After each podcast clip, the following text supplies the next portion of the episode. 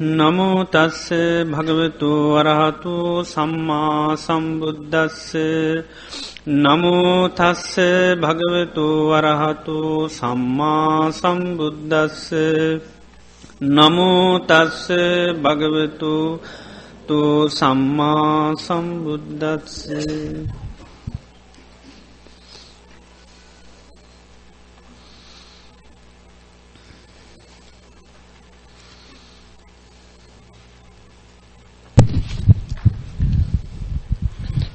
අවසරයි ස්වාමීන් වහන්ස ලැබී තිබෙන පළවෙනි ප්‍රශ්නය ගෞරවනීය ස්වාමින් වහන්ස කේන්තිය මැඩීමට අවශ්‍ය ක්‍රියාපිළිවෙල නැවත පහදා දෙනමින් කාරුණිකව ඉල්ලා සිටිමි.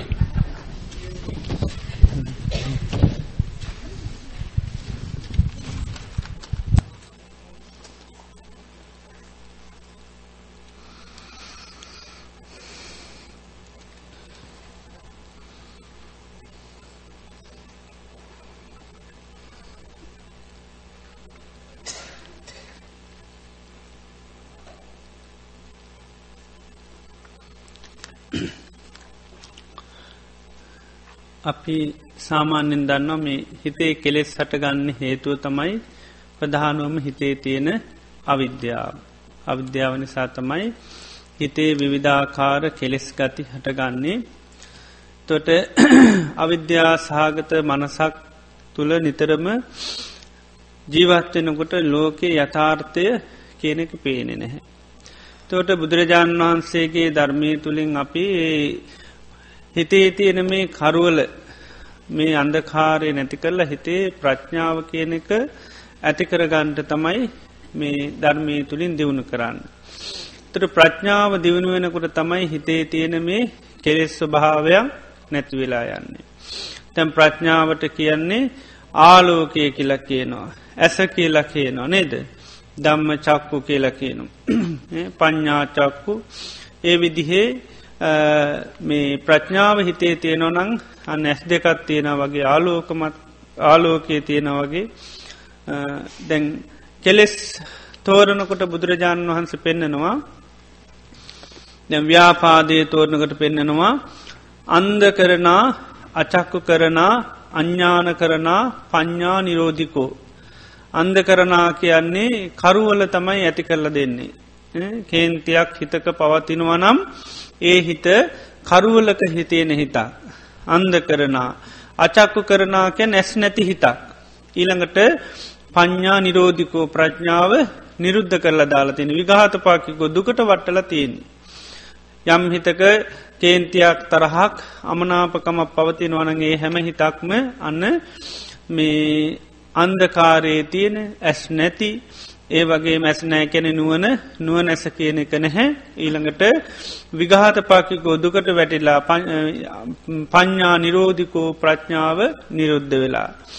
එතකොට දැන් අපේ හිතේ මේ කේන්තිය එහෙම නැත්තං අමනාපකං වෛරේ තරහා මේ සියලු සිතිවිලි හටගන්නේ අපේ හිතේ මේ අන්දකාර ස්වභාවය නිසා. තොට භාවනාව තුළින් අපි මේ හිතේ තියෙන අන්දකාරය නැති කරන්ට අපි මේ භාවනාව දියුණු කරනවා. එතකොට මේ දේශය එම නැත්තං මේ කේන්තිය මේවා මැඩලීමට තියෙන ප්‍රධාන භාවනාව තමයි මෛත්‍රී භාවනාව. මෛත්‍රී භාවනාව කිරීම තුළ මේ කේන්ති අමනාපකම නැති කරගන්න පුළුවන්. එතකොට දැන් අපිට කේන්තියන්ට හේතුව තමයි අපි දැම් මේ ජීවත්වෙන සමාජය තුළ ජීවත්වෙනකොට අපි සමාජයෙන් දෙයක් බලාපොරොත් වෙනවා. සමාජයෙන් යමක් බලාපොරොත් වෙනවා. ඒ තමයි සමාජයේ ඉන්න අය අපිට ගරු කරන්න ඕනි. අපිට උදව් කරන්න ඕනි. අපිව තේරුම් ගණ්ඩෝනි අපිට සලකණ්ඩෝනි අගයන්න ඕනි තැනදෙන් ඕනි. මේ වගේ විශාල බලාපොරොත්තු ටිකක් අප හිත්වල තියෙනවා. ආන්න ඒ බලාපොරොත්තු වෙනදේ නොලැබෙන තැන තමයි අන්න අපේ හිතට කේන්තියෙන් අමනාපකම එන්නේ. නොසතුට එන්නේ අපි අර බලාපොරොත්තුවනදේ සමාජය තුළින් ලැබෙන්නේ නැහැ. එතකොට දැන් අපේ තියෙන හිතේ අන්දකාරය නිසා අපිට පේනෙද මේ සමාජය තුළදී අපිට මේ වගේ දේවල් දෙන්න පුළුවන් අය තමයි ඉන්නේ. දෙන්ඩ පුළුවන් අය ඉන්න ඒ අයි දෙන්න ඇති නිසාතම අපිට කේන්ති. කේන්තියන්නේ අපිට අර අපි බලාපොරොත්තු වෙන දේ මේ සමාජයෙන් නොලබෙන තැන්න අපිට හිතේ කේන්ති ඇති වෙනවා. එතකොට අපි මෛත්‍රී භාවනාව හරියට වැඩුවොත් මේ කේන්තිය සම්පූර්ණම අවම කරගන්න තුනී කරගන්න යටපත් කරගන්න පුළුවන්කම තියෙනවා. ඒ නිසා මෛත්‍රී භාවනාව හරියට වඩන්ඩ හුරු කරගත්තොත් ඒ අයට අනිවාරය මේක ටික ටික ටික කේන්තිය කියනක පාලනය කරගන්න පුළුවන්. මොකද මේ මෛත්‍රී භාවනාව කිරීම තුළ අපේ හිතට මේ යං නුවනක් ආලෝකයක් ඇති කරගන්න පුළුවන් මොකද මෛත්‍රී කිරීමෙන් තමයි පටිගේ කියන එක නැතිවෙන්නේ. දට පටිගේ හිතට මංකිවේ ඇති කරගන්නේ හිතේ තියෙන අන්දකාර ස්වභාවිනිසා.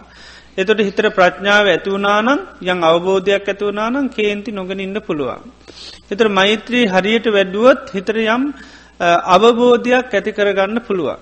හිතේ සඳහා අපි මෛත්‍රී භාවනාව දියුණු කරන්න ඕනි ඉති මෛත්‍රිය වටනකොට අපි සාමාන්‍යයෙන් ගන්නවා මේ සබ්බේ සත්තා භවන්තු සුකි තත්තා කරණීයමිත්ත සූත්‍රය කියන්නේ මේ භාගතුන් වහන්සේ මේ සීලු සත්වයෝ සුවපත්වේවා කියලා මෛත්‍රී කරනවා. එදොට අපි සීලු සත්‍යයෝ සුවපත්වේවා කියලා මෛත්‍රී කරනකොට අපි හොඳට දකිින් ඕනී ඇයි සීලු සත්‍යයෝ සුවපත්වෙන්න්න මෛත්‍රී කරන්න ඕනි. සීලු සත්‍යයෝ සුවපත්වෙන්න්න මෛත්‍රී කරන්න ඕනි ඇයි සීලු සත්වය නමකටද වෙලා තින්නේ. දුකට වැටිලා ඉන්ඩෝන දුකට වැටල ඉන්නවා නන්තමයි සුවපත් කරන්න නැතන් සුවපත් කරන්න අවශ්‍යතාවයක් නැහැ. එතොට වැටල තියෙන දුක අපි ඉස්මතු කරලා ගණ්ඩෝනි දැන් ලෙඩෙක් සුවපත් කරන්න යනවා. එතෝට අපි ඒ ලෙඩා සුවපත් කරන්න යන්නේ ලෙඩා දුකට වැටල කියලා දන්නවා. එතකොට සාමාන්‍යයෙන් රෝගියෙක් සුවපත් කරන්න යනකොට ඒ රෝගයාගේ තින රෝගයේ තින දරුණුකම අපි දන්නවා.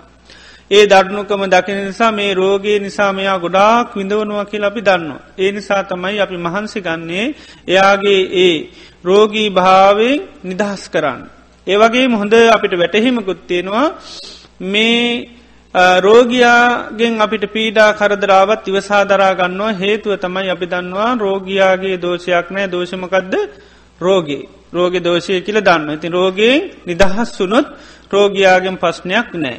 මේ මෛත්‍රී භාවනා කරනකොටත් එහෙමයි අපි ඉස්මතු කරල ගන්නවා මේ ලෝකයේ මනුස්්‍යයන් දුකට පත්වෙලා ඉන්නේ තමයි ප්‍රධාන කාරණය තමයි කෙලෙස්. කෙලෙස් මුල් කරගෙන විශාල දුකකට පත්තෙච්චි පිටිසක් මේ ලෝක ඉන්නේ. ඒ නිසා මේ කෙලෙස් තියෙන හැම හිතක්ම බුදුරජාණන් වහන්සේ පෙන්න්නන්නේ රෝගී හිත් රෝගාතුර වෙච්චි පිරිසක් ඇටියට තමයි පෙන්න්නන්නේ. එතර බුදුරජාණන් වහන්සකින නිරෝගී අය කවුද රහතන් වහන්සේලා පමණයි කියන. රහතන් වහන්සේලා පමණයි කියන ලෝකයේ නිරෝගී අය. එතට මෛත්‍රී කරනෝට අප ඉස්මතු කරලා ගන්නේ මේ ලෝක ඉන්නෝ ඔක්කොම මානසික වස්සයෙන් කෙලෙස් නිසා රෝගාතුර වෙච්චි පිරිසක්. එතොට ඒ ස්වභාව ඉස්මතු කරගෙන අපි කාලයක් මෛත්‍රී වැඩුවත් අපිට අවබෝධයක් ඇතිවෙන නොමකක්ද ලෝකෙ ඉන්න අය සුවපත් අයට දුකට පත්තිච්චායද. දුකට පත්තිච්චයි. එත දුකට පත්තිච්චායගෙන් පිළිසරන්න බලාපොරොත්තු වෙන්න පුළුවන්ද බැයිද. බෑ. ආනෙතනය දී ඒකයි දුකට පත්තිච්චි පිරිසක් හැටියට ලෝකයක් දැක්කන ලෝකයාගෙන් අපි බලාපොරොත්තු නෑ එතුර සල කණ්ඩෝනි අගේ අන්ඩෝනි තේරුම් ගණ්ඩෝනි කියන ටික නැති වෙනවා. එතවට ලෝකයා ඒගෙන් අපි යමක් බලාපොරොත්තු නොවෙන තැන අන්න අපිට කේන්තියන්නේ නැහැ. ආනෙක මක අපි ලෝකෙන් බලාපොරොත්තුවෙන් නැමකද අපිට පේනවා ලෝකයාට අපි බලාපොරොත්තින දේ දෙන්න බැහැ. දෙන්න බැරි හේතුව තමයි ඒ අයිගේ හිත්වල තියෙන කෙලෙස් ආන්නේකයි. දැන් අපි සමහරලාට ගෞරුව ලැබීතු කෙනෙක් නමුත් මිනිසුන්ගේ තියෙන කෙලෙස් නිසා සමහට එක් කරන්න නැහැ. එතෝට අපි තුන මං ගෞරුව ලැබීතු කෙනෙ මට මිනිසු ගෞරුව කරන්න තවරමක දෙන්නේ. ආන හිතට අමනාපයක් කේන්තයක් ඇතිවෙන්න පුළුවන්ගේ. ඒ නිසා අපි දකිනවනම් මේ ලෝකයේ මිනිස්සු කෙලෙස් සහිත පුද්ගලයන් ඒ නිසා තමයි අපි බලාපොරොත්තුනදී ඇත්තටම නොලබෙන්නේ දැන් සමහර වෙලාවට අපි බොහොම හොඳ ක්‍රියාවන් කරනවා. හොඳ වැඩ කරනවා. ද අපි හිතන්න හොඳ වැඩකරොත් මනවද ලැබෙන්ඩෝනි. හොඳ වැඩ කරපුවා හොඳ ලැබෙන්ඩ පේ නේද. එනම් ඒකට ප්‍රසංසාවක් ඇගීමක් ඒව තමයි ලැබෙන්ඩෝ නමුත් ලැබෙන්න්න මනවාද සමල්ලාට ගැනි පැත ලැබෙනවා. එතකොට ඔන්න හිතට සමල්ලාට ඔන්න කේන්ති ඇතිවෙනවා. එතොට ඒ අපි හිතනවා අපි හොඳකරොත් ඒක සමාජයෙන් දෙන්න ඕනයකට ප්‍රතිචාර. නමුත් මොකද වෙලා තින සමාජයට ඒක දෙන්න බැහැ මොකද සමාජ ජීවත්වන අයක කෙලෙස් බහුලයි. එයට ඒ ක්‍රියාවත් එක සමාට ඉර්ෂියාවක් ඇතිවෙන්නේ. ඉරිසියාවක් ඇතිවන තු රිසියා හිතයට ගත්තම් පස ප්‍රසංසා කරන්න පුලන්ද. බෑ ඉති අපි හිතන ප්‍රසංසා කරන්න ඕන කියලා නමුත් ප්‍රසංසා කරන්න ඒකටට හැකියාවක් නැහැ. අපි ඒකයි බලාපොරොත්තු වෙනවා මේ දේ දෙන්න පුළුවන් සමාජයෙන්. ඉති නොදැන තැන අපිට කේන්ති. නමුත් සමාජයට ඒක දෙන්න විදිහන්නේ ඒගේ හිත්වල තිනර අන්න මත් මේ ඉරිෂාව ඇති වුනානම් වෙනත් මොනොහරි කෙලෙස් ගති ඇති වුනානම් ආන ඒකත් එකයාට අපි බලාපොරොත්තුවනදේ දෙන්න හැකියාවක් නෑ. ඉතින් ඒ නිසා මේ අපි බලාපොරොත්තුන දේවල් ඇත්තටම මේ සමාජයෙන් නොලබෙන්නේ සමාජයේ ජීවත්වෙන අයිගේ කෙලෙස්. අපේ කෙලෙසින්ද අපි බලාපොරොත්තියනවා. අපේ කෙලෙස් ගති නිසාමකද වෙන්නේ අපි සමාජයේ ඉන්න අපිට පේන්නේම නිරෝගිය හොඳට ඉන්න හැටිද ලෙඩ්ඩු හැටිද. හොඳට ඉන්නයි. ද හොඳට ඉන්නයගෙන් අපට ආන යමක් ලැබෙන් ඩෝනි. හොඳට ඉන්න අය නිසා ඒ අයි අපිට ගරු කරන්න ඕනි. අපි අගේයන් ඕනි. අපි තේරුම් ගන්න. දැ හැම්වෙලේම කියන්න ඒ මාව තේරුම් ගන්න ඇති කියලන. මෙච්චර ගෙදර වැඩ කරල මහන්ස වෙලා කරනවා. ඔක්කොම කැපවෙල මං වැඩ කරන්නේ ඒ කියන එවුන්ට ඇයි මාව තේරුම් ගන්න ඇත්තේ ඉති එතන තමයි පස්නේ තේරුම් ගන්න ඇති හිද මක දෙන්නේ ආන තේරුම් කරලා දෙන්න යනවා සමහට්ට එතකොට තව පස්්න වැඩියෙනවා නේද? ආන්නේකයි. ඉතිං ඒ නිසා මේ කෙලෙස් ගති වල ස්වභාවේ නිසයි තමයි අපි ඇත්තටම අපි ඇත්තට මනු කම්පා ලබියුතු කෙනෙකුුණත් ලෝක අනු කම්පා කරන්න හැ. අපි තේරුම් ගණ්ඩ ඕන වනාට අපේ තියෙන ස්වභාවයන් ඒක තේරුම් ගන්න. අපි මහන්සි වෙලා බොහොම දුකින් ඉන්න වෙලාවක් ඒ වනාට අනිත්තයට ඒක තේරෙන්න එයත් මහ එයත් ඉන්නේ ආන්න අසන්න තත්ඒ අපිට තේරෙන්නෙත් නෑ. ඉතින් ඒ නිසා එනිසා මේ භාවනා හරියට මෛත්‍රී කරනවා නම් අපි ඉස්මතු කරලා ගන්නේ මේ ලෝකඉන්න අය කෙලෙස්වලින් ආතුරු වෙච්චි ලෙඩ්ඩු පිරිසක් හැටියට. ආන්නේ මානසිකව තියෙන ඒ වෛරයේ තරහ අමනාපකං ආදි මේ සියලු කෙලෙස් නැතිවල යයි සුවපත්වෙන්ඩ කියල මෛත්‍රී කරන එකයි සාමාන්‍යින් කියනකොටත් වෛර නැත්තුව වෙත්වා තරහ නැත්තුව වෙත්වා කියලා කියනවා. ඉති ඒකයි. හැබැයි ඒව මිනිසුන්ට ඒව තුළින් පීඩාවක් විඳනවා කියලා අපි දකිින් නැති පස්්න විතරයි තියෙන්නේ. ති මෙතනද ඉස්මතු කරල ගණ්ඩෝනි යම් හිතක මේ කෙලෙස් තියෙනවනගේ ඔක්කෝම අන්න ලෙඩෙක් වගේ ආතුර වෙච්චි ලෙඩෙක් වගේ අසනපයකින් පෙල්න කෙනෙක් වගේ. මොකද ඒ ස්වභාව ඉස්මතු කරලා ගත්තාම කෙලෙස්වල තියෙන දරුණුකම මෛත්‍රී හරියට වඩන්න පලේ තුරතම හදවතිගෙන්නේ. සබ්බේ සත්තා බවන්තු සුකිතත්තා. දැන් අපිට සාමාන්‍ය ලෙඩකුට අනුකම්පා කරන්න පුළුවන්ද බැයිද. පුළුවන්. එතර මානසික ලෙඩකුට ඒ වගේ පුළුවන් දනු කම්පාකන්න. පුළුවන් වෙන්ඩෝනි. දැම් බරපතල පස්න වෙන්නේ බැලුවොත් මොකක්ද. මානසික රෝග. නේද? අපිකින දැම් පිළිකාවෙන් කෙනෙ කිටියොත් මැරණට අපායනවාද නෑ. එයා ඒ පිළිකාව නිසා සංසාරදු පුරාවිඳ වන්ඩ වෙයිද? ඒත් නෑ. සමල්ලාට මේ ජීවිතේ වෙන් විතරක් වෙන්න පුළන් යාගේ පිළිකාවත ඊළඟ ජීවිතයට අය කර යන්නේ නැහැ. මානසික ඇති කරගත්තු වෛරයක්. ආන වෛරය. එහෙම නෑ. වෛරය නිසා පාහෙත් යනවා. සංසාරය බොහෝ කාලයක් ආන දුක් විඳින්ටනවා. ඒවගේ මේ ජීවිතෙත් ඒමයි පිළිකාවක් ඇතුන සමර සුව කරගන්න පුලන් දේශය ඇතුගත් ලේසි සුව කරගන්න පුළ මනුසකට බෑ ඒක නිස මුළු ජීවිත කාලයම සමහරලාට ඒක නිසා මානසිකෝ විඳවනවා. ඉති එනිසා අපි දකිින් ඕනි මේ කායික රෝගයකට වැඩිය ඉතාමත් මසරණ අය තමයි මේ කෙලෙස් නිසා ආන්න දූෂණය වෙන හිත්තියෙන අය. ඉති ඒ නිසා ආන්නේ හිත් තියනයගෙන් අපි බලාපොරොත්තු වෙන දේ ලැබෙන් නැමක දේ අය බොහෝම දුකට පත්වෙච්චි පිරිසක් අසරණ වෙච්චි පිරිසක් ඒ නිසා ඒ අයගේ හිත්තල තිනේ වෛරේ තර හමනාපකන් නැතිවලේ අය සුවපත්වෙන්න කියල් අන්න අපිට මෛත්‍රී සිත වඩන්න පුළුවන්. ඉති මෛත්‍රී කරන්න කරන්න කරන්න අන්න අපි යං අවබෝධයකට පත්වනේ තමයි මේ ලෝකයේ අය ඔක්කොම දුකට පත්වෙලා දුකට පත්තිච්චයකින් අපිට පිරිසරණක් නැහැ ආනකයි. දැන්ගෙද රොක්කෝම ලෙඩ්ඩුනං පිරිසරණක් ලැබෙන්නේ නෑ. නේද? ඔක්කෝ මැදං උඩ තියෙනවා ඉන්නවා නම් වත්‍ර කෝපයක් දෙන්න ඕනි වෙලා කවුද ගෙනල් දෙන්නේ? ඉතින් බලාපොරොත්තු වෙන්න නතකොට ඇයි දන්න කාටවත් එන්න බෑ කියර දැන් එන්ඩ පුළුවන් කියල හිතා නිද්දි දුන්නත්න දුන්න තුනත්මකද වෙන්නේ? එතකොට අන්න දුකක් ඇතිවන ගේන්තියක් ඇතින ම මෙච්චරක නයිමං ලෙඩුනහම කවරුත් ජනවි නැති කියලා. දැන් අපි හොඳටම දන්නවනම් කවුරුත් අනිත් කාමරලින් ඔක්කෝම නැගිටලෙන්ට බැරිය එනම් කිසි බලාපොරොත්තුව නෑ. ඉති බලාපොරොත්තු තියෙන තැන තමයි පස්්න තියෙන්නේ. අපි අලුත් තැනකට යනවා. යනකොට අපිට කියනවා යන තැන ඔක්කෝමින්නේ ඔක්කෝම ලෙඩ්ඩු ටිකක් කවරුත් ඔයාගේයාට පිළිගණ්ඩුවත් කෙනෙක් නෑ කියල කියනවා. ඉතින් එහෙම හිතානය නොයතෝට කවරු පිළිගණ්ඩාවනෑ කියල කතා කරන්ඩාවනෑ කියල කිසි ප්‍රශ්නයක් නැහැ. නමුත් මේ එහෙම නොහදුනාගෙන ගියොත් එහෙම ගෙදර ගොඩ කට්ටඉන්නවා කියලා ආරංචල යනවා. ඇති යනකොට කවුරුත් එන්න එතවන මොකද වෙන්නේ. ආන්න බලාපොරොත්තු බිඳ වැටෙනවා. මේ ගෙදර කවුරුත් එලියටාවත්නෑ කතා කරන්ඩාවත්නෑ නේද. ඊට පස්සේ පොඩ්ඩ පොඩ්ඩ හිතට අන්න අමන ආපගති ඇතිවෙන්න පුළුවන්. එතොට හඳුනාගෙන ගියොත් කිසි ගැටලුවක් නැහැ. ආන්නේ වගේ තමයි ජීවත්වෙන සමාජයත්තේකයි අපි ගොඩා බලාපොරොත්තු වෙනවා. බලාපොරොත්තු වෙන දේ නොලබෙන තැන තමයි අපිට කේන්තියන්නේ. ඉතින් හොඳට හඳුන ගණ්ඩෝනි මේ ජීවත් වෙන සමාජයේ කෙලෙස් සහිත පුද්ජලයන් ඉන්න ඒක හරියට අසනීපයක් වගේ. මානසික අසනීපය බුදුරජාන් වන්ස කියන්නේ කෙලෙස් නැති අය තමයි කවුද රහතන් වහන්සලේ අයතම සුවපත් අය. අන්න රහතන් වහන්සලා ඉන්නවන ලෝකෙම අන්න බලාපොරත්තුවන ටි කොක්කම ලැබේ අනුකම්පා කරන්න ඕන්න අනුකම්පා කරයි තේරුම් ගන්න ඕන්න රාතන් වහන්ස අපි කවුද කියර තේරුම් ගනීවි ඔක්කොමටික ලැබේවී. ඒරෙන්ඩ අනිත් තව මාර්ග පල්ලාබින් ඉන්නවානම් අන්න ඒව ලැබේවි.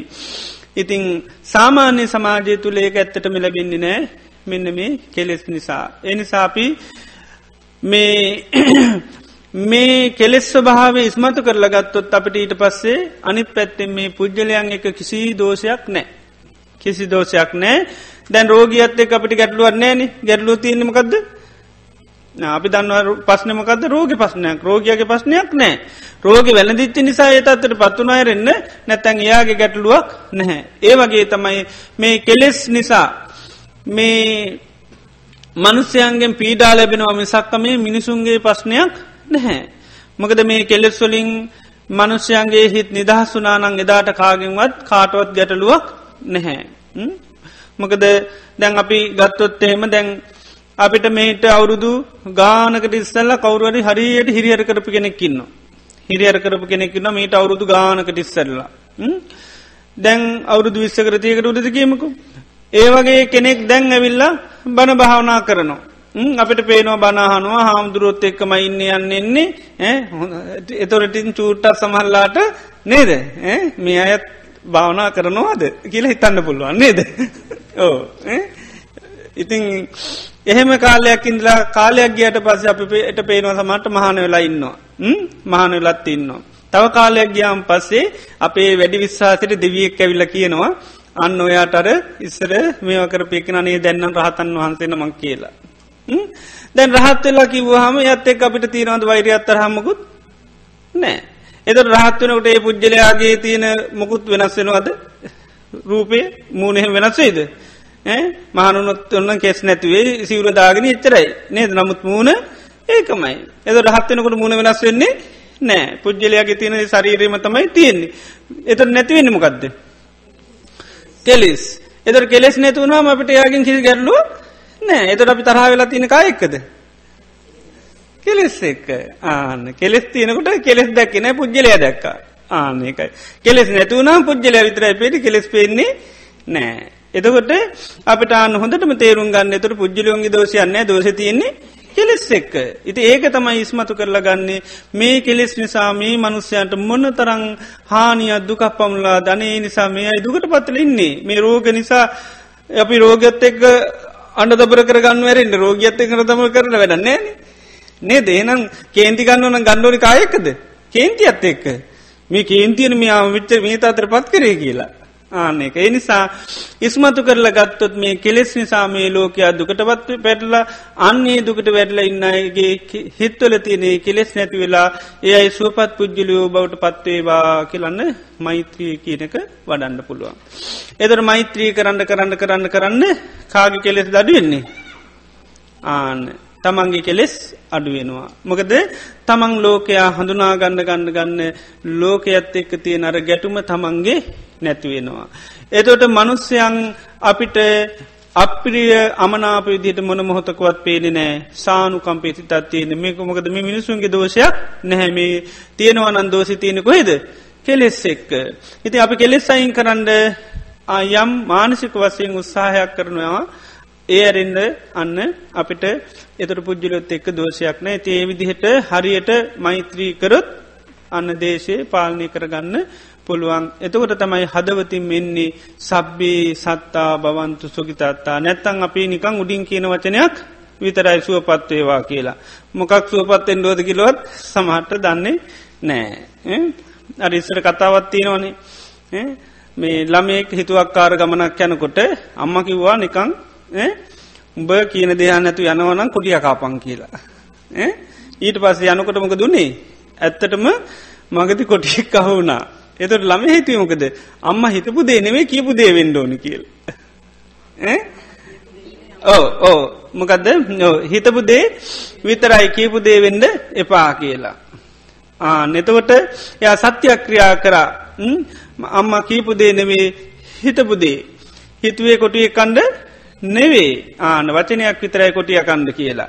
එතෝට මොක දුනේ කොටිය අත්ඇරල ගියා ඒක අනිත් පැත්තතම අපිට තියෙන්. අපි වචනෙන් සූපත්වෙන්ට කියන හිතේ නෑ. ආනක හිතේ මිනිසු සූපත් කරන්න අවසිතාවය කොහොමත්න ඇයි ඉතින් සුවපත්තයිනින් අවල්දයකට සූපත් කරන්න.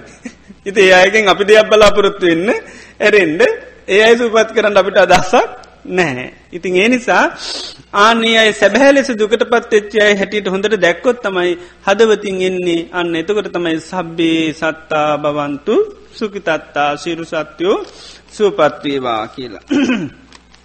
ඉතින් ඒ විදියට කාලයක් පුරුදුකරොත් අපිට මෛත්‍රිය කෙනක වඩා දියුණු කරගන්න පුළන් ආකල්පමය වසයෙන් අපි ඒ මනසේ ඇතිකර ගන්න තවත් බුදුරජාන් වහන්සේ ආකල්පයක් දියුණු කරන්න පෙන්වමකක්ද මාතා යතා නියම් පුත්තං ආයුසායක පුත්තවන් රක්කේ අම්ම කෙනෙක් මේ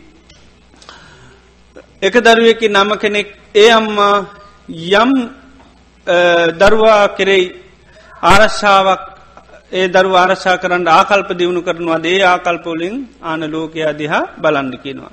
දැන් අම්මලාගේ විශාල ආකල්පදින දරුවන් කෙරේ ඒ ආකල්පයම්මකදද. නිතරම සමාව දෙනවා. පුළුවන්තරම්මකද කරන්නේ. සමහාව දෙනවා. එක දරුවකි නොන එකා එකා කියලා නිතරම සමහාව දෙනවා නේද. පොඩිකාලෙමකත් සමාව දෙන්නේ. චූටි චූටීකී කිය සමහා දෙනවා තාම චූටි ඒනි සමකද කරන්න කොච්චරාමාරු දේවල් ඉවසාදරාගන්න බැරි දේවල් කරද්දි මකද කරන්නේ නිතරම අපි ආනයකට සමාව දෙන්න මොකද තාම චූටී කියලා. එතොට ආන්නේ වගේ ආකල්පයක හිඳගෙන මෛත්‍රී වඩන්න කියන. ඒ ආකල්පයක ඉඳගෙන අපිත් මෛත්‍රී වඩන්න කියනවා. ලෝක ඉන්නේ ඔක්කෝම අම්ම. දැන් මෛත්‍රී වර්ණ කෙන කවුද? අම්මා. මෛත්‍රී වර්ණ කෙන අම්ම මේ අනිත් ඔක්කොම චූටි බාලා. ඉතින් ඒ අම්ම මොකක්ද කරන්න ඕන එතකොට? නිතරම මේ චූටි බාලා ටිකට සමහව දෙන්න ඕනි නිතරම. මොනහරි වැරැද්දක් කරොත්තේම ආචාම චූටි කියල හිතන්න සෝතා පන්නුනම් මේක කරන්න සකදාගමුණනම් මේක කරන්න අනාගාමිනොත්න මේ වගේ වැඩක් බලඳ වැඩ කරන්න රහත්තු නොත්නම් මුකුත් නෑ එතෝට තමයි ඔන්න බාලාටික ලොකුවෙන් එතකන් ලෝක ඉන්නේ බබාලා. ඉතින් ඒ නිසා හැම්වෙලේ මොනහරිකරොත් තාම චූටි කියල හිතන්න. ආනකයි චූටිය ඇත් එක්ක අපි කරුණු කාරණා කියල් දෙන්නට හරියිද. චූටියයට. අපි ගෙනල්ල දේශනය ඇදෙන චූටි බාලට පුළුවන්ද? බෑ සමහාදන වැරෙන්න්න ආනේ අයට කරුණු කාරණා කියලා අවබෝධ කරවන්න බැහැ. ඉති ඒ වගේ තමයි මේ වෛර කරනයට අපි වෛර කරයි කියලා කවදාකොත් හරියන්නේ නෑ. අපිට බරුවට චෝදනා කරපු අයට අපි ගෙන්නලා කරුණු කිව්වයි කියලා ආන් හදන්න බෑ තියෙන්නේ පුළුවන් තරං අන්න ඒ අය පොඩි අය හැටියට දැකලා ආන්න සමහාව දෙන වැරෙන්ඩ වෙන දෙයක් කරන්න නෑ. සමහාව දෙන තරමට තමන්ගේ හිතේ අර වෛරේ තරහ අමනාපකම අඩුවේවි. තමන්ගේ හිතේ වෛරය අමනාපකම අඩුවෙනකොට තමයි ඒ තුළින් සමාජයටත් ආන්න ඒ අපේ වෛරය තරහ අඩුවෙනකොට සමාජමුත් අපිට ආන්න මෛත්‍රියයට ප්‍රතිචාර ලැබේවි. මෛත්‍රී කරනකොට කියනවානේ මොකදද මනුස්සානං පියෝහෝති. මකද දැන් අපි මෛත්‍රී කරනකට පේනොනද අපි පේන මේ ලෝකින් අය එක පැත්තිකින් ලෙඩ්ඩු අනි පැත්තෙන් චූටි අය එනිසා අපි නිතර මේ අයිදිහ බලන්නේ පොඩිලමයිට අපි රවන්නේ න අපිට රැව්වට නේද. අපි ඇයට රවන්නේ අපි මූුණ පුරාවට හිනාවෙනවා අයට. නේද.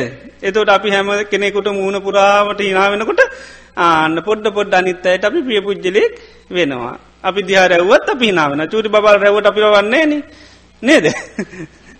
ආනක එතට මොක දෙන්න අන්න මනුස්සානම් පියහෝති මනුස්සයන්ට පියවෙනවා මොකවන්න විපසීද මුහුණ පැහැපත්වන ඇයි මූනෙන් කොයි වෙලා දේශයක් කර ගොරුවන්නේ නෑ එතෝට ආන්න හොඳ සැලුන් එකට ගීල හොඳට මේ කප් කර ගත් මුණක් වගේ කාටප සන්න ඉට පුළුවන්. ආනකයි මොකවන්න විපසීදති මුහුණ බොහොන පැහැපත්. ද මූුණ හොඳට තිබුණත් හිතේ තියෙන කිලුටත් එක මුහුණෙන් පේ නැද්ද? පේනවා. ආන්න. තැන් සමාරු කොච්චර මේ මේ වකරගෙන හිටියත් හිතේ තියෙන්නේ වෛර ඒක ඉස්මතු වෙනවද නැද්ද?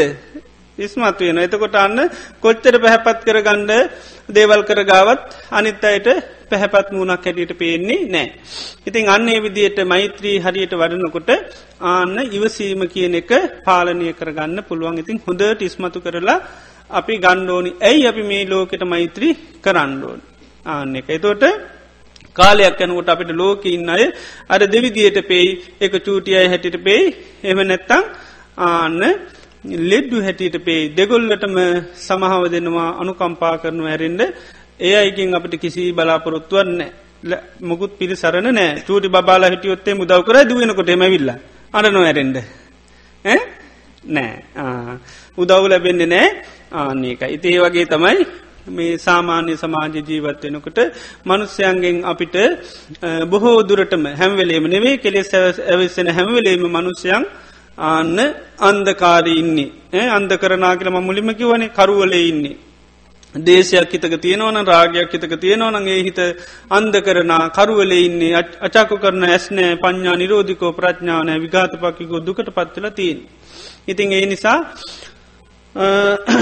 මේ අපිට පේනුව ඇතකට මේ කෙලෙස් වල තියෙන දරුණුකම දකින්න දකින්න අන්න මේ පුද්ජලයන්ගේ දෝෂයන්න මේ කෙලෙස් වල තියෙන දෝෂයක්. මොකද මේ අය ඔක්කොම රහත්තුනොත් කාටුවත් කාගෙන්වත් කිසි පස්නයන්න එක ගෙදර ඔක්කොම නතර කරන්න පුළුවන්. එකමගේ ඔක්කම නතර කල්ලා තියන පුලන් කවුරුත් කාටුවත් කිසිම ආන රණ්ඩු තුරුවල් මොකුත් නෑ. ආන හොඳට කවුරුත් සමගියෙන් සාමධානයෙන් කටයුතු කරන්න පුළුවන්. එතවට දැන්තින පසනුවගත්ද දැන් තියන්නේ කෙලෙස්වල තියෙන දෝෂ නිසා ආන පැරිණගතහම් යම්යං අර්බුද හටගන්න. ඒ නිසාන්න අපි දකිින්ඩොන මේ කෙලෙස් කියන්නේ එක රෝගයක් වගේ. ඒ වගේම කෙලෙස් කියන්නේ නුවන අහිම කරන ආන ලපටි භාවට ඒකයි පඥා නිරෝධිකෝ ගැන ප්‍රඥාව නිරුද්ධ කරලා දාන. තොට ප්‍රඥාව නැතිය කවුද? බාල. චූටි බබාලා නේද ආනක ඒ නිසා කවරු මොහරකිව තාම චූටි කෙ හිතන්න ති ගන්දයන්න සමහදෙන්ට විතරයි එතොට පොඩිදේ සමහදෙන්ට පුළුවන්න්න චූටින්නේ ලොකු අයනන්න අපි ගිහිල්ලා නේද ඇයි මෙහම ලොකුවය කරන්න කෙ හිතන්න ආනක පොඩි අයක පොඩි ස්වභාවයට කරන දේවල් කියලා ආන ඉවසීම දියුණු කරගන්න පුළුවන්. එනම් මෛත්‍රී භාවනාව දියුණු කරොත් කේන්තිය පාලනය කරගන්න පුළුවන්. ගොඩක් කියන්නන්න. ගරු ස්වාමීන් වහන්ස අකුසලයේ යටපත් කරනවා කියන්නේ පංච උපාදානස්කන්ධය යටපත් කරනවාටද පංච නීවරණ යටපත් කරනවාටද මේ පැහැදිලි කර දෙන ලෙස ඊතා ගෞරවයෙන් ඉල්ලා සිටිමි.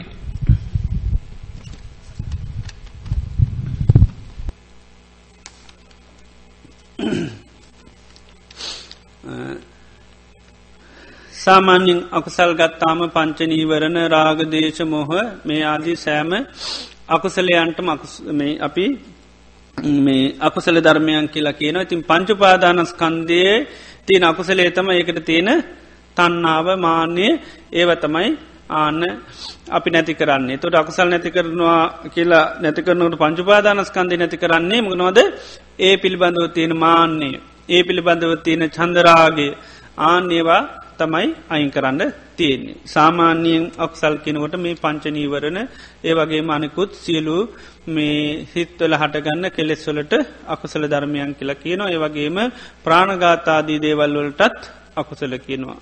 අකුසල් සහ අක්සල් මූල කියල දෙකත්තින අකුසල් තමයි ප්‍රාණගාතාදී දේවල් අකුසල මූල තමයි රාගදේශමෝහාදී ඒ කෙලෙස් ස්වභාවයන්. එතකොට මේ පංචුපාදානස්කන්දේ අපි අකුසල් පැත්තෙන් දුරු කරන්න ඒකෙත් තියෙන චන්දරාගේ මාන්‍යාදී දේවල් තමයි නැති කරන්න.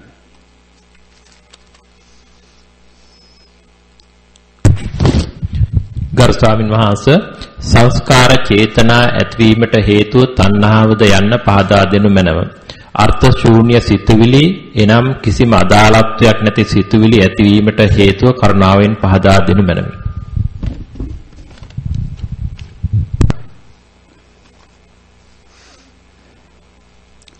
සංකාර චේතනා දෙකම ඇතිවෙන්න දෙකම එකට කියන නමක් දෙකම ඇතිවෙන්නේ ස්පර්ශය නිසා. ස්පර්ශය නිසා තමයි චේතනාවක් පහළ වෙනෝනං ඒත් ස්පර්ශය නිසා සංස්කාර සකස් වෙනෝනං ඒ සකස් වෙන්නේ මේ ස්පර්ශය නිසා. එතුවට මේ සංකාර කියනක තෝරන්නේ සංකතන් අභි සංකරොන්තු ඉති සංකාරා. සකස් වෙච්චි දෙයක් තුළ පිහිටාගෙන තවත් සකස් වෙනවට කියනවා සංස්කාර කියලා දැන් අපේ ජීවිතයමකක්ද සංස්කාරයක් සකස් වෙලා තියෙන්නේ. ඒ මනෝද සකස් වෙලා තින්න අපිට රූප වේදනා සංඥා සංකාර සකස් වෙලා තියෙනවා. මේ රූප වේදනා සංඥා සංකාර තුළ ආයමත්මකද වෙන්නේ. ආයත් සකස් වෙනවා ආය පංචුපාදානස්කන්දයක්. රූපං රූපත්තාය සංකතං අභිසංකරොන්තීති සංකාරා. රූපයෙන් ආයමත් රූපයක් හදල දෙන හිද තමයි සංස්කාර කියල කියන්නේ. වේදනා වේදනත්තායි වේදනාවෙන් අයමත් වේදනාව සකස් කරල දෙනවා. සංඥාවෙන් ආයම සංඥාව සකස් කරල දෙනවා. සංස්කාරයෙන් ආයමත් සංස්කාර සකස් කරල දෙනවා.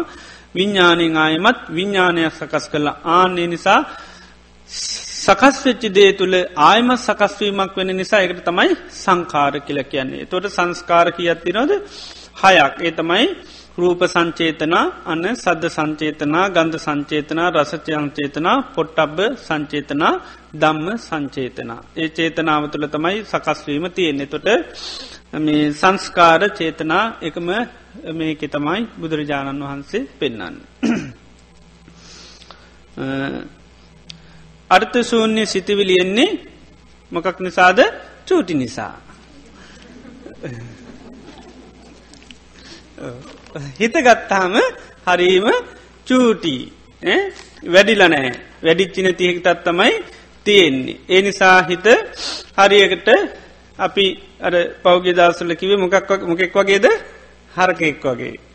හිත කියන්නේ හරකෙක් වගේ. ඒ තරම්ම ඥානය කියන එක බින්දුවේ තියෙන එකත් තමයි හිත. ඥානයේ නෑ. ඒ නිසා ඒකයි සිතට ඥානය නැති නිසා තමයි ලපට සිතිවිලි එන්නේ. එතොට සිත කියන එක නිතරම පිළිසරණක් ලබාගන්නවා. කාග පිළිසරණද ලබාගන්නේ සිහියේ පිළිසරණ. සිහිය දෙකත්ති නමනවාද මිච්චා සති සහ සම්මා සති. දැන් හිත පිළිසරණ ලබාගෙන තියන්නේ කාය පිළිසරණද. මිච්චා සතිය. මිච්චා සතියෙන් තමයි ඔය කොහේවත් නැති පරණ දේවල් හිතාගණ්ඩුවත් බැරි දේවල් සිහි කරලා දෙනවා. ඒක තමයි අර සිතේ තියෙන ස්වභාවේ. ඉතිං මේ හිත ප්‍රඥා සම්පන්න වෙන්න වෙන්න තමයි හිතේ ප්‍රඥා පහළ වෙන්න වෙන්න තමයි හිතේ තියෙන ලපටි ගති නැතිවෙන්නේ.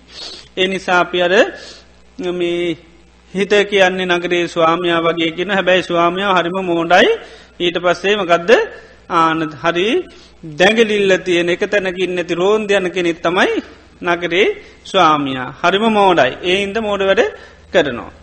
ඉති ඒ නගරේ ස්වාමයාට පණවිඩකරුව දෙන්නෙක් යම යාව සකස් කරන්න. ඒත් කවුද?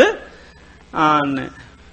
මේ පනිටකරු දෙන්නෙක් ගිහිල්ල එක පනිකරුව නගර ස්වාමියාව තැන්පත් කරන අනිත එක්කන යට නුවන ලබා දෙෙන ආන්නේ වගේ ජීවිතය නැමති නගර ස්වාමිය කවුද හිත? විඤ්ඥානය. ආනේ ස්වාමියයට පනිවිඩකරුව දෙන්නෙක් යවන. මොකද මේ ස්වාමියත් අර ස්වාමියා වගේම මෝඩයි. ඊළඟට ආන්න එක තැනක ඉන්නේ නෑ කඩපිල් ගාන යනවා වගේ මේ අත්තිතින් මේ රෝන්දයන එක තමයි කරන්න. ඉතින් මේ ස්වාමියයටත් පනිවිඩකරුව දෙන්නෙක් යවනවා එක්කෙනෙක් කවුද සමත එයාගේ හිල්ල මේ ස්වාමයාගේ තියෙන මේ රවුන් ගැහිල්ල නතර කරනවා. අනිත් එක්කෙනගේ හිල්ල ස්වාමයාට අන්න ප්‍රඥාව ලබෙදනේ කවුද විපස්සනා. ආන සමති පස්සනා දෙකින් හිත වැඩුණහම තමයි මේ ලපටි ගති හිතේ නැතිවෙන්නේ. ඉතිං මේ හිතේ අවිද්‍යාව තියෙනකං ලපටි ගති තමයි ඇතිවෙන්නමකද හිත බොහොම ලපටි කෙනෙක්. මෝරපු කෙනෙක් නොවේ. ඉතිං ඒ නිසා ඒ ලපට හිත දියුණු කරගන්න තමයි අපි මේ සමත විපස්සනා භාවනාවක් දියුණු කරගන්නේ. ඉතිං ඒ නිසා හිතට ඒ වගේ චූටි සිතිවිරෙනකොට තාම චූටි කලේතන්. තාම මෙයා චූටි මේ සංසාරයේ මේ විදවන්ඩ අවස් අන දේවල්. ඒවගේම දම් මේ භාවනාවට මම මේ ඉදගෙන භාවනා කරනවා. මෙච්චර වටිනා දේවල් හිතන්න තියද්දි මේ කුණු කන්දල් හිතන්න යාගේ තින චූටිකමන අනේ චූටි බබෝ ඕව නංගිතන්න එපා. භාවනා කරන්න කියලා කරුණාවෙන් කියන්න. ආනකයි තියෙන්නේ. ඉති පොඩිකම හින්දන යන්නේ. තේරෙන ඕනන් එච්චර මෙච්චර වටිනා නේද? භාවනාවත්ය අති පිටියයිද තේරෙනවන්න නොතේරුම්කම හිද තමයි යන්නේ ආන එක හිතේ තරමට නවිද්‍යාවෙන් හැල්ල එකයි කෙලෙස්වලින් වැැහුණාම ඒ හිත ආන ලපට හිතක් ඒකයි පඤ්ඥා නිරෝධිකෝ කැන එක ප්‍රඥාව නිරුද්ධ වෙච්චි හිතා. ඉතින් ඒ නිරුද්ධ වෙච්චි ප්‍රඥාව නැති හිතට මොකුත් තේරෙන්නේ නැහැ. ඉති හරකා වගේ එකයි ඌට හිතෙන ගොයන් කෑම තමයි හොඳ ඉතින් ගොපල්ල දන්නවා ගොයන් කෑවත් ගුටිකන්ඩවන නිසා මොකද කරන්න කෙවිටෙන් ගහලා සිහි කරලා දෙනවා. ඒ වගේ තමයි හිතත් ලපටි දේවල් හිතන්න පුළුවන්. අපි භාවනා කරනකොට අපේ ගන්නමකක්ද ඉදිරියට? සිහිය. ඉතින් ඒකයි සති පට්ටානිකන සිහ පිටවාන භාන කරන මෙයා පිට ගිය ගවන් කෙවිට පාරක් ගහලා ගණ්ඩයි තියන්නේ. පොඩි දේවල් හිතනකොට අන්න සිහි කල දෙන මේවයින් කිසි හරියක් අර්ථයක් නෑ කියල. ඉතින් හිතේ තියෙන චූටිකම නිසා මේවා වෙන්නේ කලබල වෙන්න දෙයක් නෑඉතින් හැදෙනකම් පොඩ්ඩක් බලාගෙන ඉන්න වෙනවා නේද? පොඩිලාමයිත් එහෙමනි. හැදෙනකං අපිට පොඩ්ඩක් ඉවසිලිමත්ව ඉන්ඩෝනි ඒ වගේ තමයි හිතත් මෝරණකං අන්න ප්‍රඥා හිතේ මෝරණලා එනකම්ම හිතේ ලපටිකං කරනවා. ඒවට කම්පාවෙන්ඩ සැලෙන්න්න එපා. සැලුනා කම්පාවනායි කියලා පොඩි වැඩ නතර කරන්නේ නෑ. චූටි බාල හදනකොට මේ කම්පාවනා සැලුනායකල ඒකටිය චූටි වැඩ නතර වෙන්නේ නෑ ඒකට්ටිය ආනේ ලපටි වැඩ කරනොයි මේ හිතත්. ඒ වගේ තමයි. තේ නිසා කම්පාවෙන් නැතුව මේ හිතේ තියෙන මේ ලපටි ගතිය නිසා යන්න. තිහිත පිට යනකොට හිතන්න තාම චූටි. ආන එක චූටි හින්ද මේ කරන්නේ. නිසා චූටි එක්කෙන හදාගන්න ඕන. ආනේ තොට වගකීම් සහිතව යාව හදාගණ්ඩ මහන්සිවෙන්ඩ පුළුවන්. ගර්ස්වාමින් වහන්ස නන්දකෝවාද සූත්‍රයේ සඳහන් වන පහනේ උදාහරණය අනුකම්පායෙන් පහදා දෙනු මැනව. තෙල් තණ්හාවද වැටිය රූප වේදනා සංඥා සංකාරද පහන්සිල විඥානයේද ආලෝකය කුමක්ද?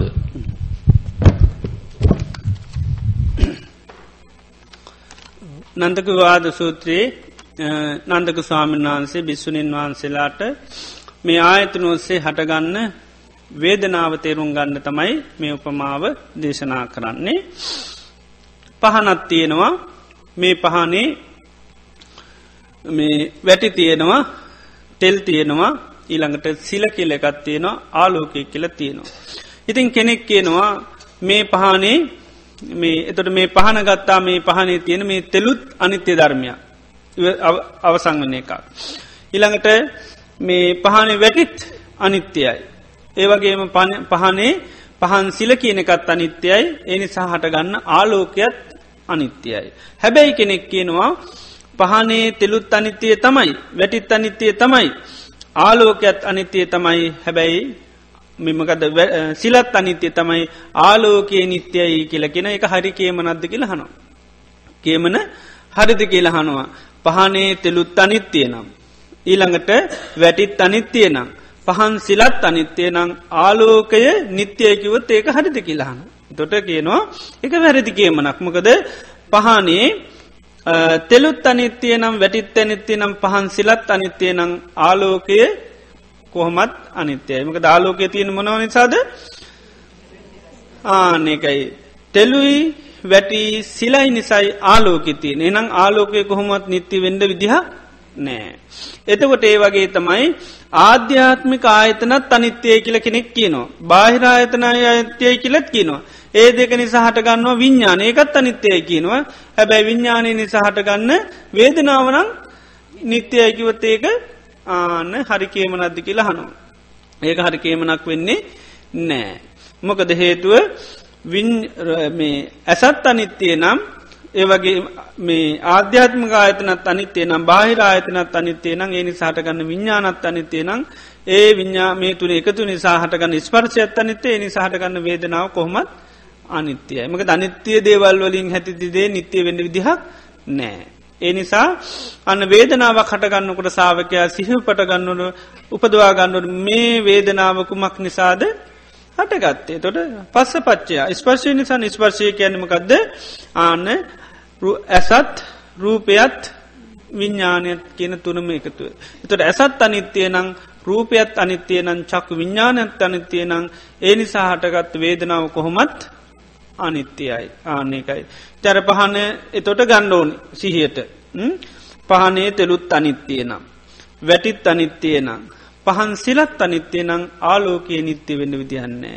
ආන්නේ වගේ මේ හටගත් වේදනාව හටගත්තේ මේ ඇහැත් නිසානං රූපත් නිසානන් චක්කු විඤ්ඥනනම් ඇහැත් අනිත්‍යය නම් රූපත් අනිස්සේ නම් චක්කු විඤ්ඥාන ඇත් අනිත්‍යය නම් ඒතුන එක තුට ස්පර්චයකන ඒකත් අනිත්‍යයි ඒ නිසා හටගත්ත මේ වේදනාව කොහොමත් අනිත්‍යයයි ආන එතකොට වේදනාව නිත්‍ය හැටියට ගන්න බැහැ.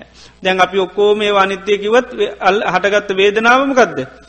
වේදනාව නිත්‍යය කරගන්නවා. ඒක තමයි කියන්නේ. එහෙම ගැනීම හරි නැහැ මකද වේදනාවක් කියලා හටගන්න නිතරම අනිත්‍ය ධර්මතාවල එකතුවා. පහනේ ආලෝකය කියන්නේ නිතරම අනිත්‍ය ධර්මයක්. එතොට පහන් සිල්ල වගේ තමයි විඤ්ඥානය කියල කියන්න. එතොට පහල් පහනේ වැටි වගේ තමයි සංස්කාර මේ රූප වේදනා සංඥා සංකාර. ඊළඟට තෙල් වගේ තමයි මේ තන්හාව කියල කියන්න. ඉතිං ආධ්‍යාත්මික බාහිර මේ ආයතනොස්සේ අපිට මේ රූප ගැටනකුට හැට රූපයක් ගැටනොත් ඒ ඔස්සේ අන්න හටගන්න මේ වේදනා සංඥා සංකාරමව හටගන්නේ ඒ තුළ තමයි මේ අපිට ඉස්පර්ශවීම තුළ තමයි අපිට වේදනාව කියන එක දැනෙන්නේ. මොකද සලායතන නිතරම හටගන්න නාමරූප නිසා නාමරූපත්තියෙන් සලායතන එනිසා ඒ හටගන්න ධර්මතාත් අනිත්‍ය වසයෙන් දැක්කහම එනිසා හැටගත්ති පලය කොහොමත් අන්න අනිත්‍යයකයි. දැන් ආලෝකය කියන්නේ අර දේවල් වල ලැබිච්චි පලයක් පමණයි. ඉති ඒවා නැතිවෙච්චි ගමන් ආලෝකයක් කියල එකක් කොහොමත් තියෙන්නේ නෑ පහන නිවුණනං ආලෝකිවරයි ආන්නේකයි. ඒ වගේ තමයි මේ හටගන්න වේදනත් එහෙමයි අනිත් උපමාමින් පෙන්නෙනවා ගහත් තියෙනවා ගහේ මුළුත් අනිත්‍යයයි කඳත් අනිත්‍යයි කොළත් අනිත්‍යයයි ඡායාවත් අනිත්‍යයි. හැබැයි කෙනෙක් කියනවා ගහේ මුළුත් අනිත්‍යය තමයි. කඳත් අනිත්‍යය තමයි කොළත් අනිත්‍යය තමයි හැබැයි සෙවනැල්ලන නිත්‍යයයි කියලා කෙරේ හරි කියනම නද්ද කියලහන කියනවා. හරි කියමනක් නොවේ. ගහේ මුළුත් අනිත්‍යය නම් කඳත් අනිත්‍යය නම් කොළත් අනිත්‍යය නම් ඡායාව කියනකේ අනිත්‍යතාවය කියන්න දෙයක් නැහැ. ආනේ වගේ මේ ආධ්‍යාත්මික බාහිර මේ ආයතන අනිත්‍යය නං එනි සහට ගන්න විඤ්ඥානයත් අනිත්‍යනං එනි සහට ගන්න වේදනාව ගැන කියන්නම දෙයක් නෑ. ඒදනාව කොහොමත් අනිත්‍යයමකද අනිත්‍ය ධර්මතාවල ආන නිසා හටගත්තකත්ව මේ වේදනාව කියල කියන්න. ඉතේ නිසා වේදනාවක් හටගන්නකොට ආන මේ උපමාව තමන්ට ඉස්මතු කරලා ගන්න පුළන් වේදනාව කියන්නේ හරියට මොකදද ඕ වේදනාව කියන්නේ හරියට මේ ඡායාවක් වගේ එකක්. වේදනාව කියන්න හරියටම ආලෝකයක් වගේ එකක්. ඡායාවත්තිය නිමකක් නිසාද. ආන්න ගහක් නිසා අනිත්‍යය ගහක් අනිත්‍යය මුල් අනිත්‍ය කොළ නිසා. ඒවා අනිත්‍යය නම් ඡායාව කියනක කවදාකවත් නිත්‍ය ධර්මයක් නොවේ කොහොමත් වෙනස් වෙනවා. ඒ වගේ ආලෝකය කියන්නේ මොකදද ආන්න හේතුවක පලයක්. එනම් ආලෝකය ඇතිවෙන්නේ පහනන්නේ වැටි නිසා තෙල් නිසා සිල නිසා.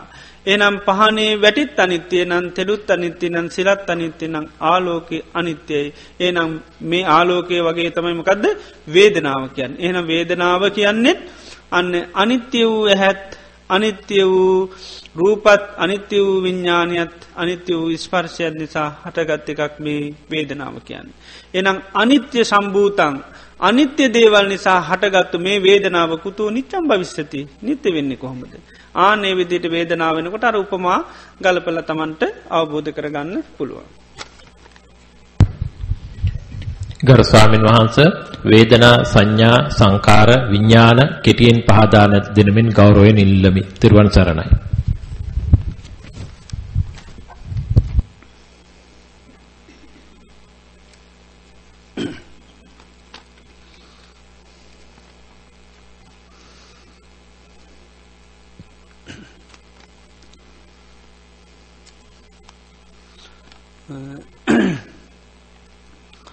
චේතනා සංකාර අපි ඉසල්ලත් කිව්වා. බුදුරජාණන් වහන්සේ එකම කාරණයට තමයි චේතනා සංකාර පෙන්නන්නේ චේතනද වේදන? වේදනන්නේ හරි. වේදනාව කියලා කියන්නේ බුදුරජාණන් වහන්සේ වේදේතීතිකෝ භික්වේ තස්මා වේදනාති උච්චති. විඳිනවා කියන අර්ථයෙන් තමයි වේදනාව කියලා කියන්න. මොකදද? විඳිනවා කියන අර්ථය මොකක්ද විඳින්නේ සැප විඳිනවා දුක්විඳිනවා මධ්‍යහත් ස්වභාවයක් විඳිනවා. සැපත් ලොකුවට තේරෙන්න දුකත් ලොකුවට තේරෙන්න ඔහේ ගතියත් තේරෙනවා එතට එතන තියෙන්නේ මධ්‍යස්ථයි කියලා කියනවා. ලොකු සැප ස්වභාවයක් තේරෙන්නේ නෑ දුක් ස්වභාවයක් තේරෙන්නේ නෑ මධ්‍යත්ව ස්වභාවය. ඒකට අදුක්කම සුක වේදනා කියලා කියනවා. එතවට මේ විඳිනවා කියන අර්ථයෙන් තමයි වේදනාව. එතොට මේ හොඳට මතක තියාගන්න ඕනි වේදනාව කියන්නේ විඳිනවා කියන එකයි විඳින්න මොනවද සැප විඳිනවා දුක් විඳිනවා මධ්‍යශ ස්භාවයක් විදින්නවා. එතර වේදනාව මේ සයාකාරෝ හටගන්නේ තමයි ඇහේ ස්පර්ශය නිසා හටගන්නවා කනේ ස්පර්ශය නිසා නාසේ දිවේ ඊළඟට සරීරයේ මනසේ කියන මේ ආයතනොස්සේ තමයි මේ වේදනාව හටගන්නේ වේදනා හටගන්න හේතුව තමයි ස්පර්ශය. ඉතින් ස්පර්ශය මුල් කරගෙන තමයි අපට නිතරම වේදනා හටගන්නේ. ඉති වේදනාවේ ස්වභාවේ ඡායාවක් වගේ. වේදනාවේ ස්වභාවමකක්ද ආලෝකයක් වගේ. එතොට වේදනාමකක් වගේද? ආලෝකයක් වගේ. ආලෝකයේ තියෙන්නේ මොකක් නිසාද?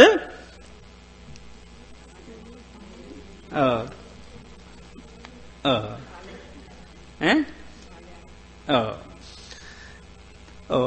තෙල්ලුයි ඕ වැටියයි සිලයි නිසා තමයි ආලෝකී තියන්නේ. තෙළුත් අනිත්‍යය නම් සිලත් අනිත්‍යය නං ආන වැටියත් අනිත්‍යය නං ආලෝකයේ අනිත්‍යතාවය ගැන කියන්න දෙයක් නෑ වේදනාවත් ආන්නේ වගේ නිතරම දකිින්ඩෝල් සිහිය ටෙන්ඩෝනි එතකොට සිහිවෙන් සිහිය උපදව ගණ්ඩ ඕන ආනකයි.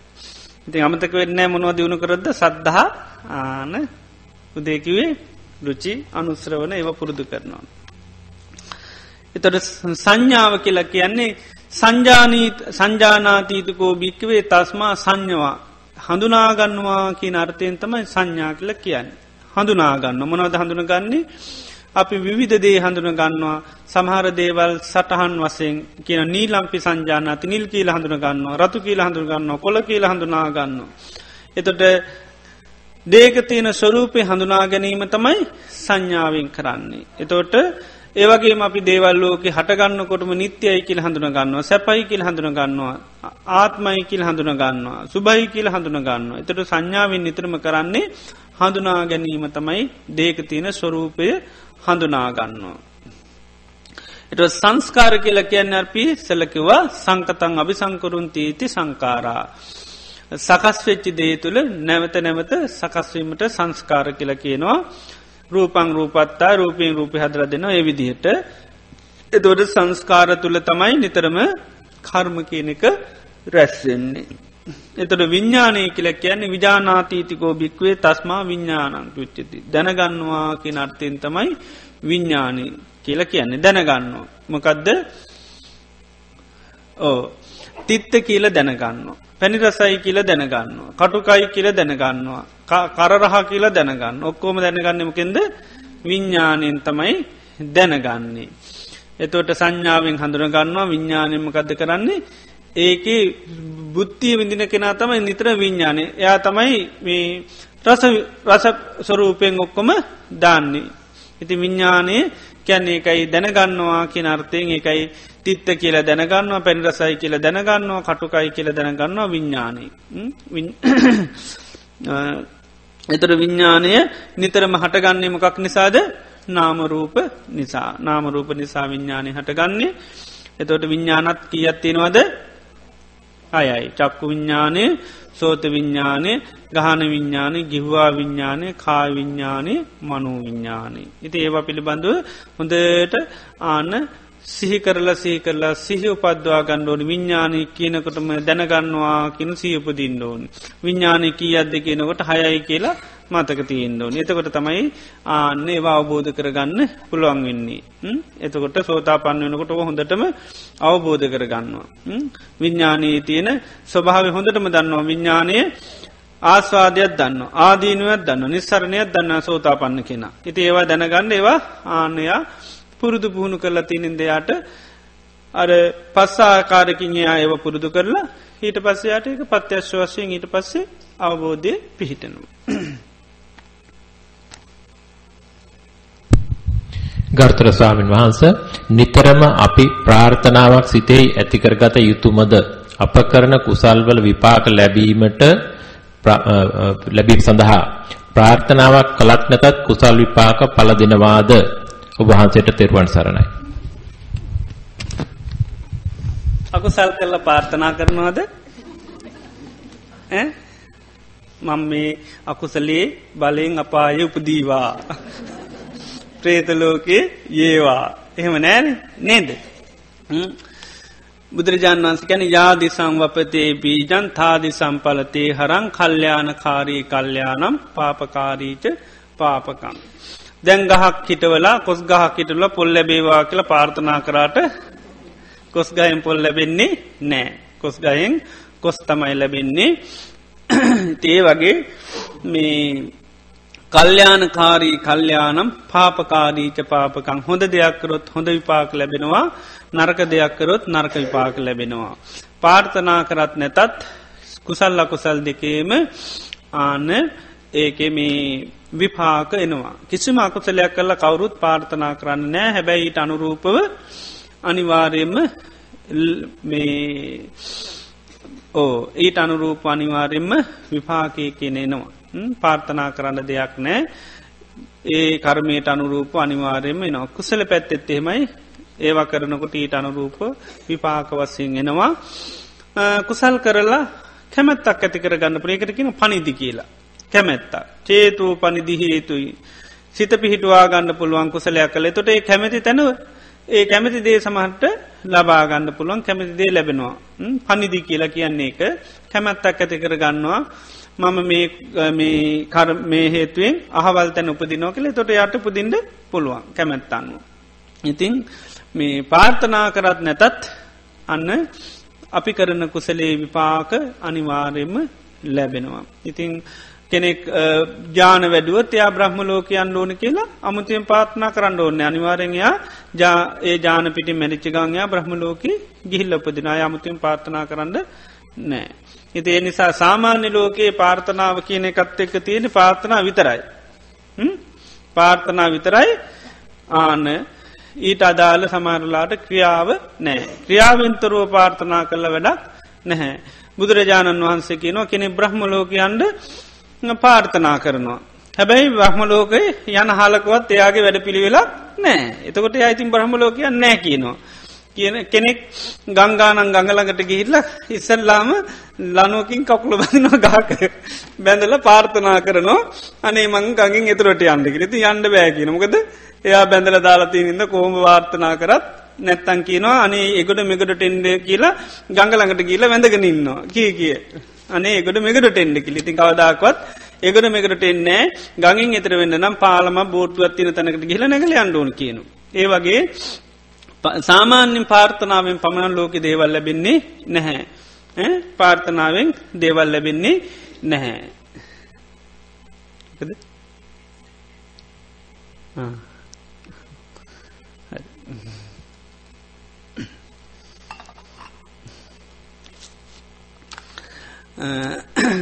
උන්වහන්සේ එක අවස්ථාවක දේශනා කරන මිනිස්සු ආවිශයට කැමති වර්ණයට කැමති සපේට කැමති මේවට කැමති. න ආයාචනා හේතු ඉල්ලුවට ලැබෙන්න න පත්තනා හේතු පැතුවට ලැබෙන්න එහෙම ලැබෙනවානං පෝය එන හායේත කාටද ලෝකෙ මොනුවෙන් අඩු?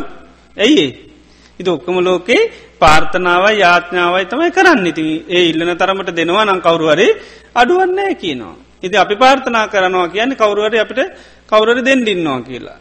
අපි ක්‍රියාවනෑ ආන පාර්ථනා විතරත්තින එහෙම ලැබෙන්නේ නැහැ. ඉතින් පාර්ථනාවත් එක් තියෙන් ඕනි පැතුවට ප්‍රශ්නයන්න ඊට අදාළ ප්‍රතිපදාව අනිවාරයෙන්ම ඉන්ඩෝනී. ඉති අදාළ ප්‍රතිපදාවිඳකන පාර්ථනාකරොත් අන්න පාර්ථනාව සපලවේවි නැත්තම් පාර්ථනා කරත් නැතත් ක්‍රියාවකරොත් අනිවාරෙන් ඒක කැමැත්තෙන් වෙන්ඩ පුලන් සමට අකමැත්තෙන් වෙන්ඩ පුල හරියට ක්‍රියාව නූනින් කරනවන ලැබෙනවා කියනවා. එක වෙලාවකදී රාජකුමාරයෙක් කියනවා මම නං ඔය මේ පිළිගන්නෑ කිව්ව. මේ ඔය විදිහට මේ දියුණු කරලා මේ හිත දියුණු කරන්න පුළුවන් මේ කියලා මේ රාජකුමාරෙක්ව එතොට සායිනසනමක් කිව්වා මේ නුවනින් යුතුව මොනොහරි කරනවා නං ඒ එතන කැමැත්ත අකමැත්ත සමාට තිබුණත් පාතනා කරත් නැතත් ඒදේ ලැබෙනවා කියලා. ඉතින් බුදුරජාණන් වන්සේ ළඟට ගිහින් කිවට පස්සකිවා කෙනෙකුට කිරියෝනි.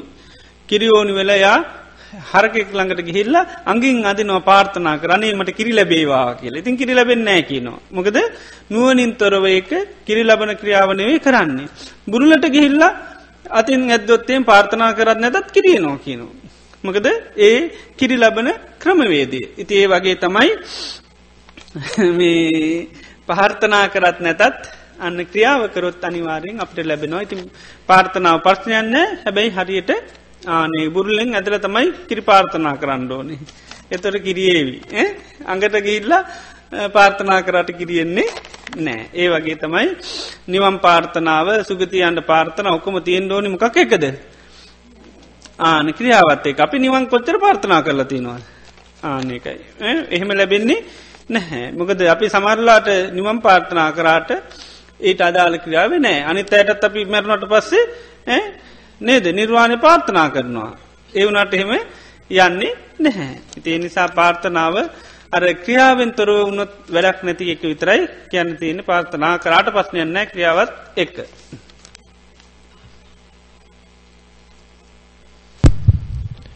එක්ක. මේ ප්‍රශ්නයක් කලින් ප්‍රශ්නයට කිට්ටුවේ යන්නේ. ගරුතර ස්වාමීන් වහන්සේ සෝවාන් සකු르දාගාමි අනාගාමි අරහත් තත්ත්වයන්ට පත්වීමට අදිෂ්ඨානයක් තිබිය යුතුයමද කරුණාවෙන් පැහැදිලි කරමින් ඉල්ලා සිටිමි. ඔබ වහන්සේට තිසරණ සරණ පතමි. ඉද්ධිපාද කීයක් තියෙනවද? හතරක් තියෙනවා. ඉද්ධිපාද කියලා කියන්නේ නැති දෙයක් ඇති කර ගැනීමේ කුසලතා මේ නැති දේවල් ඇති කර ගන්න තියෙන මේ විශේෂ සත්ති හතරකට තමයි ඉදි පාද කියන පාද කියන්නේ පියවර කෙනෙකයි. මේ පියවර හතර තියෙනවනම් ඕනම දෙයක් ලෝකේ ඇති කරගන්න පුළන් ඒ තමයි චන්ද චිත්ත විරියවී මන්සා. එතර චිත්තය කියල කියන්නේ අධිෂ්ඨානයට. අධිෂ්ඨානයට තමයි චිත්තය කැන බලගතු අධිෂ්ඨානයක් තියෙනවනම් ආන්නේක ඒක පාර්ථනාවට අයිති නෑ. අධිෂ්ඨානය කියන්නේ අන්න මම මේදේ අනිවාර්යම කරනවා කියලා චිත්තම් පක් ගන්න හති කියලා කියන්න සිත දැඩි කරගන්නවා. කවුරු කොහොම කිව්වත් මම නම් මේ දේ අනිවාර්යෙන්ම කරනවා කියල සිත දැඩි කරගන්නවා. ඒක ඉද්ධිපාදයට අයිති එකක්. ඉතින් ඒ නිසා අනිවාර්යෙන්ම බෝධිපාශික ධර්ම දියුණු කරන්න ඕනි අපි මාර්ගඵලයක් ලබන්ඩ. මාර්ගපල්ලයක් බන්ඩ මේ බෝධිපාශික ධර්ම දියුණු කරන්න ඕනි තොට එකක් මකදද මේ සතර ඉදිපාද ඉදිපාද දියුණුවෙන් ඕනි. ඉති ඉදිපාද දියුණු උනහම තමයි අන්න නැති කුසලතා ඔක්කෝම ඇති කරගන්න පුළුවන් නැති සද්ධාව නැති කෙනෙකුට මේ ඉදිපාද දියුණු කරනවන සද්ධාව දියුණු කරගන්න පුළුවන් ඊළඟට අනෙකුත් ගුණාග නැතියට ඒව දියුණු කරගන්න පුළුවන් ඉදිපාද තියෙනවන. ඉතිේ නිසා තමයි සතර සතිපට්ටානයත් එක සතර ඉද්ධිපාද පෙන්න්නන්න. තියනිසා ඉද්ධිපාද තියෙනකොට ලෝකේ විශ්මිත දේ පුද්ජලයාට කරන්න පුළුවන් විස්මිත ඉරිදිපාති හරි කරන්නෙත් මේ ඉදිපාද දියුණු කරලා ඒවගේම රහතන් වහන්සේට තමයි ලෝකෙ හොඳම ඉර්දිමත් භාවයතියෙන්. කාටද රහතන් වහන්සේට රහතන් වහන්සේට වෙනත් පැත්තකට දේවල් වෙනස් කරන්න පුළුවන්. එකට කියන පටික්කූලි අපට කූල සංඥී රහතන් වහන්සේට පුළුවන් පිළිකුල් දෙයක් පිළිකුල් නොකර ගන්න. පිළිකුල් සහගත දෙයක් ඕන්නන් උන්වහන්සට පුළන් ඒක පිළිකුල් නොකරගෙනින්ද. ඉළඟට පිළිකුල් සහගත දෙයක් මේ පිළිකුල් නැති දෙයක් පිළිකුල් කර ගණ්ඩත් පුළුවන්. ඊළඟට ඒ දෙක ඉක්ම උපේක්ෂාවෙන් ඉඩ පුළුවන් ඒවගේම පිළිකුල් දේත් අපිලිකුල් දේත් පිළිකුල් කරගණ්ඩ පුළුවන් පිළිකුල් නොකර ගණ්ඩ පුළුවන් කැමති විදිහට හිත තමන් ඕන විදිහට තමන්ගේ හිත පාලනය කරන්න පුළන් ඒක තමයි බුදුරජාන් වන්සේගේ පෙන්න්නනවා ලෝකෙතින් හොඳම ඉර්දිමත් භාව. ඒ ඉර්දිමත් භාවය ඇතිකර ගණ්ඩත් මේ චන්ද චිත්ත විරිය වීමන්සා ඕනි කැමැත් ඕනි අධිෂ්ඨානය ඕනි වීරිය ඕනි ඉළඟට වීමන්සාාව ඕනි නුවන. ගරස්වාමින් වහන්ස ආනාපාන සතිය විදර්ශනාවක් ලෙස වඩනාකාරය විස්තර කරන ලෙස කරුණාවෙන් ඉල්ලා සිටිම්.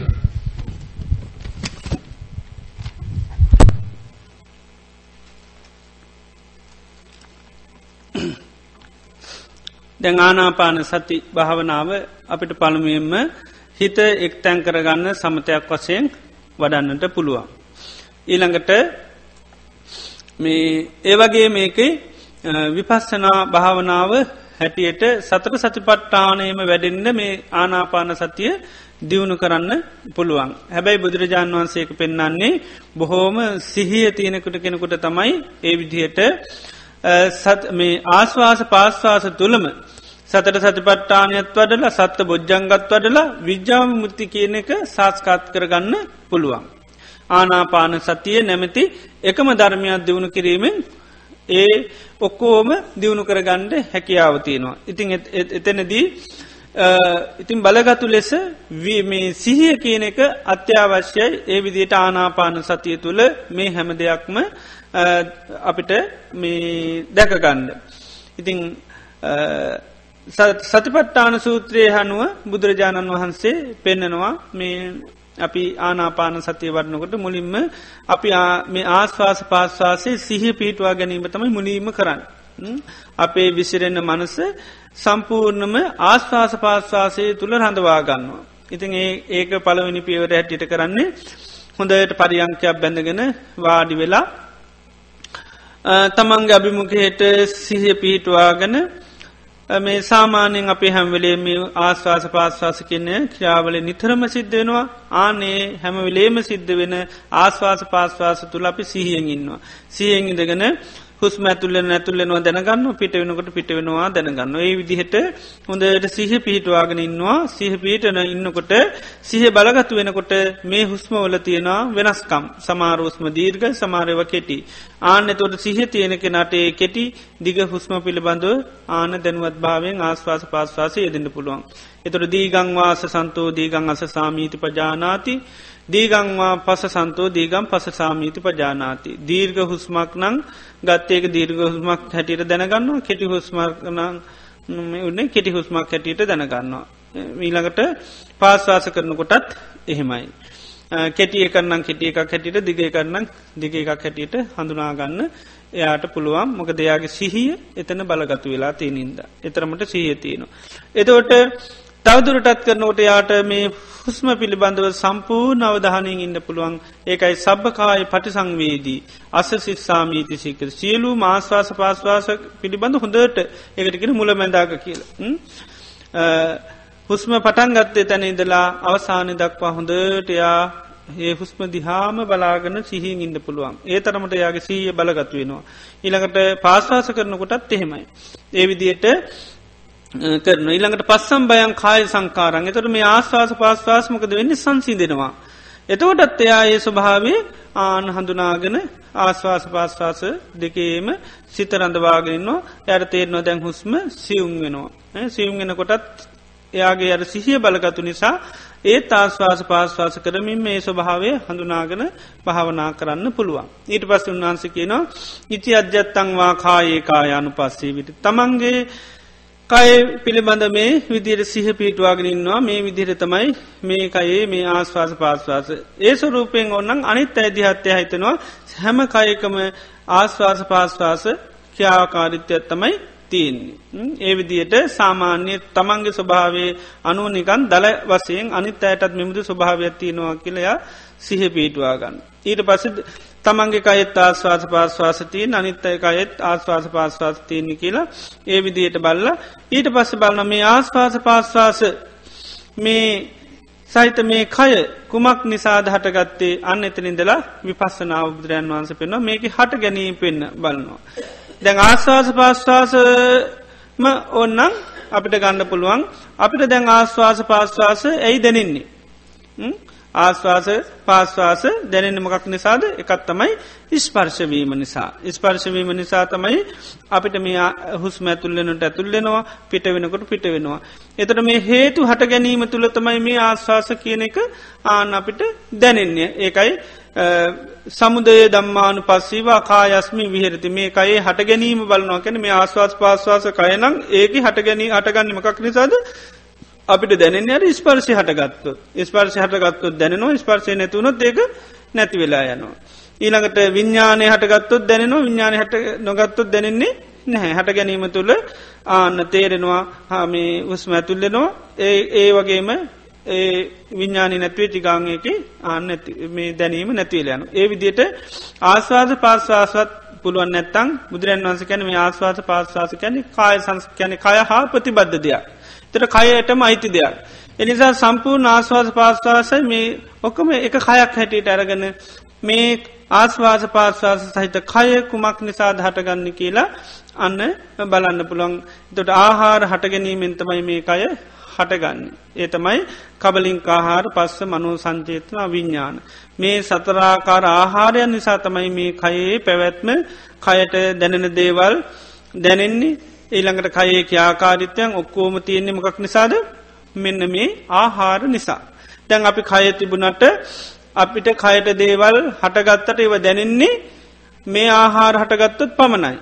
විශේෂෙන්ම පස්ස මනුව සංචිතන විඤ්ඥාන කය පවතින්නේ කබලින් කාරහාර අපි කණබන දේවල් නිසා කයේ ක්‍යාකාරිත්‍යයන් කයේ දැනීම් තියෙන්නේ මේ ආහාර හතර තුන හටගත්තුත්තේ තමයි පස්ස මනෝ සංචේතනා විඤ්ඥාන.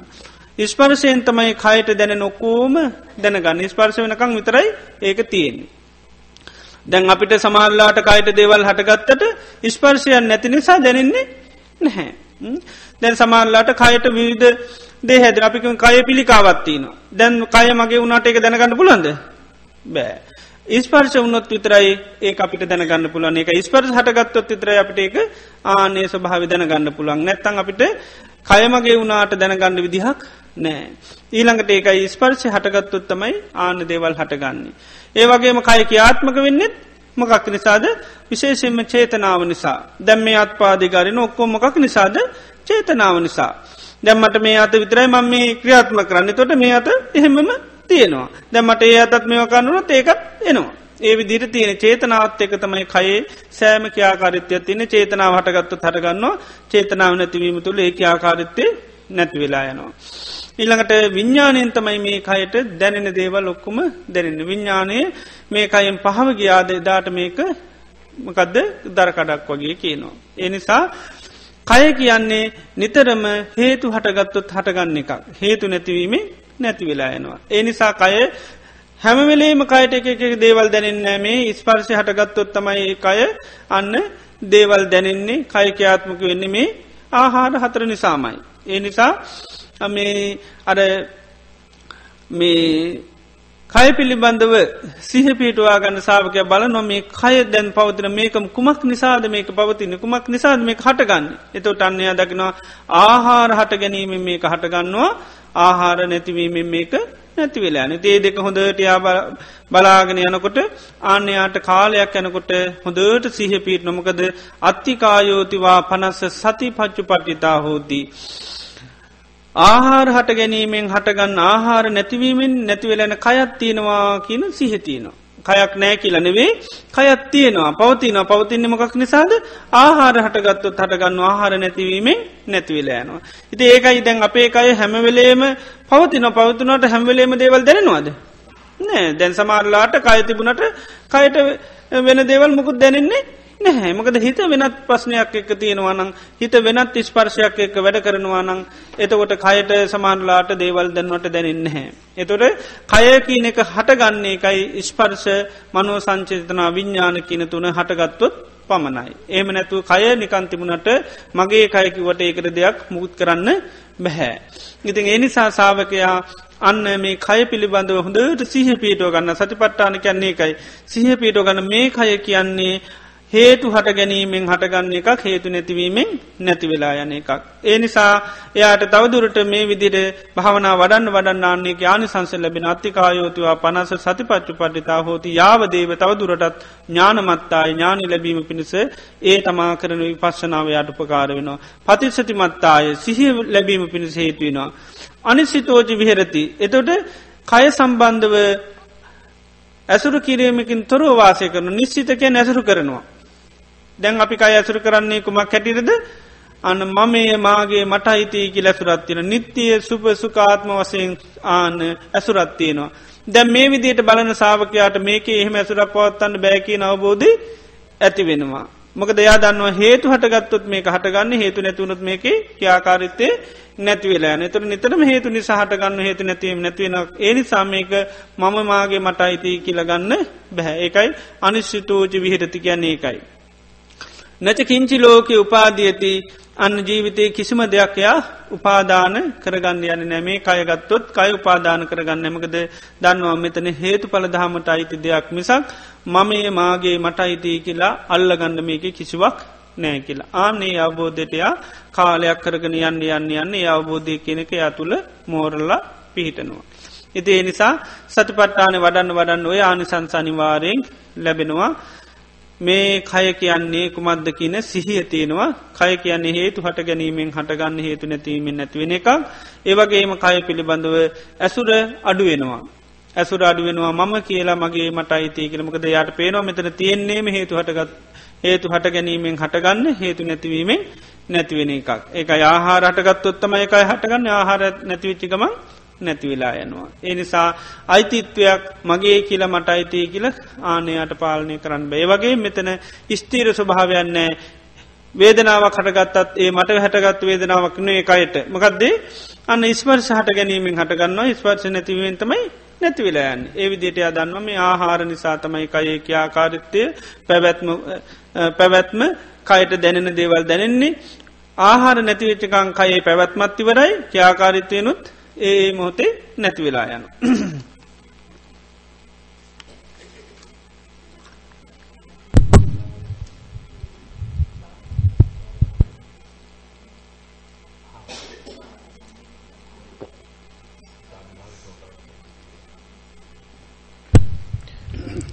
ස්වාමින් වහන්ස අපි අද උදේ කාලයේ කරන ලද මගේ ඇඟ ඇතුලේ ඇටසැකිල්ලක් තියෙනවා යන භාවනාව අයිති කුමන භාවනා ක්‍රමයටද? එය සමත භාවනාවට අයිති නම් ඒ විදර්ශනා භාවනාවක් වශයෙන් කරන්නේ කෙසේද? ඉසුතේ.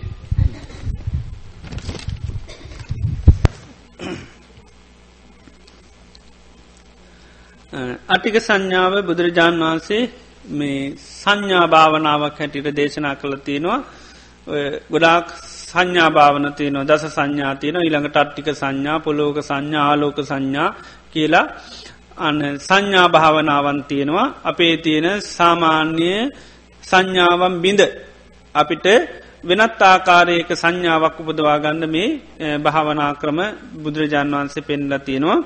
ඉළඟට මේ අට්ටික සංඥාව සතිපට්ටාන සූත්‍රෙත් දේශනා කළ තියෙනවා.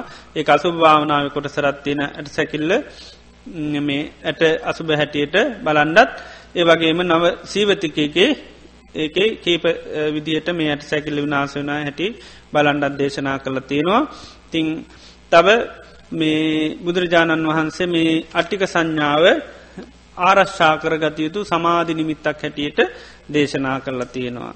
ආරශ්ා කර යුතු කාරණා කීපයක් පෙනෙලා උපපන්නම් බද්ධකන් සමාධි නිමිත්තං ආරශ්ා කර ගණ්ඩ කියනවා උපන් බද්‍රක සොඳුරු සමාධනිමිත බද්‍ර කියන්න සොඳුරු.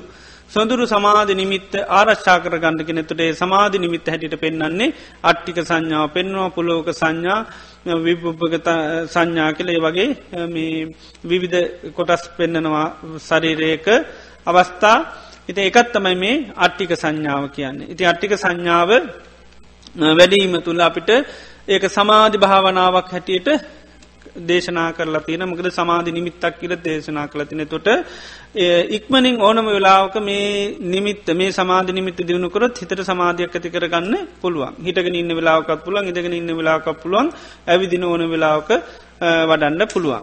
ඉතින් මේ අටික සංඥාව අපි මේ කයේ තියෙන ස්වභාවයක් එතර කායානු පස්සනාවටයි අයිති. ඉතින් ඒ කයේ තින ස්වභාවික සිහ පිහිටවාගෙන ඉඳීම තුළ සිත එක් තැන් කරගන්න පුළුවන්. එතොට මෙතනත් මේ කයේ සිත හොඳ එක්තැන් උනාම මෙතනත් අර විදියට විපස්සනා කරන්න පුළුවන්. මේ ඇට සැකිල්ල සහිතකය කුමක් නිසාද? මේක හටගන්නේ. ආන්න හට ගැනීම බලන්න පුළන් නැතිවීම පලන්න පුළන් දෙක එකට බලන්න පුළන් එතකොටත් අර ඉස්සල්ල කියපු ආනිසංස ළඟා කරගන්න පුළුවන්. මේ අතට්ටික භාවනාවට සම්බන්ධයි. තෙරුවන් සරණයි ස්වාමින් වහන්සේ. අද උදේවරුේ පැවැත්වුණු භාවනාවේදී ඇටසැකිල්ල මෙනෙහි කළ විට සුළු වේලාවක් චිත්‍රයක් මැවි පෙනුණ නමුත් ටික වේලාවකින් ඒ නැති වී ගොස් වෙනත් චිත්‍ර පෙනෙන්නට විය. නමුත් මම දිගටම භාවනාව කරගෙන ගියෙමි. එම සංඥාව ඇති වුණේ මගේ හිත වෙනස් වුණ නිසාද? ඒ ගැටලුවකි. පාදා දෙන්න. පින් සිදු වෙයි. ඉදිරියටත් නොකඩවා භාවනාවට යොමු විය යුතු නේද? රහත් වෙන කම කරන්න ඕනේ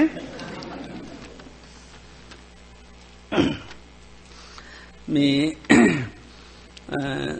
අපි හිතක සමාධයක් ඇති කරගත්තොත් ඒ සමාධිය කියන්නේ නිතරම හේතු නිසා හටගන්න ධර්මයක්. එතොට අපේ හිත මේ අටික සංඥාවේ මේ හොඳට ඒ මනසිකාරය පවත්වනකොට ඒ මනසිකාරය තුළ තමයි අපිට ඒ ඇට සැකිල්ල පේනවනම් පේන නම් මනසිකාරය වෙනස්කරොත්මකද වෙන්නේ? ඒක පේනෙ නෑ. ඉතින් බුදුරජාණන් වහන්සේ භාවනාවට තියෙන ප්‍රධාන බාධාවක් හැටියට පෙන් උපක්ලේශ සූත්‍රය පෙන්ලති නමනසිකාර නොමනෙහි කිරීම. ගැනම භාවනා කරන නිමිත් අපි පවත්තන්නේ නෑ. පවත්තන්න නැතුන හමකද වෙන්නේ? අපිට හටගත්තේ සමාධයක් නං ඒ සමාධිය හෝ අරගේ ඇට සැකිල්ල ඇටිට තමන් දැක්කනං ඒ දැක්ක ඒ සංඥාව හෝ ඒක පිහිටන්නේ නෑ අර භාවනමනසිකාරය නතර කරපු ගමන්. හිතේ නිසා අන්රුද්ධ සූත්‍රයේ තින උපක්ලේශ පෙන්න්න නොමේ භාවනාවට එක උපක්ලේශ ඇත්තමයි මේ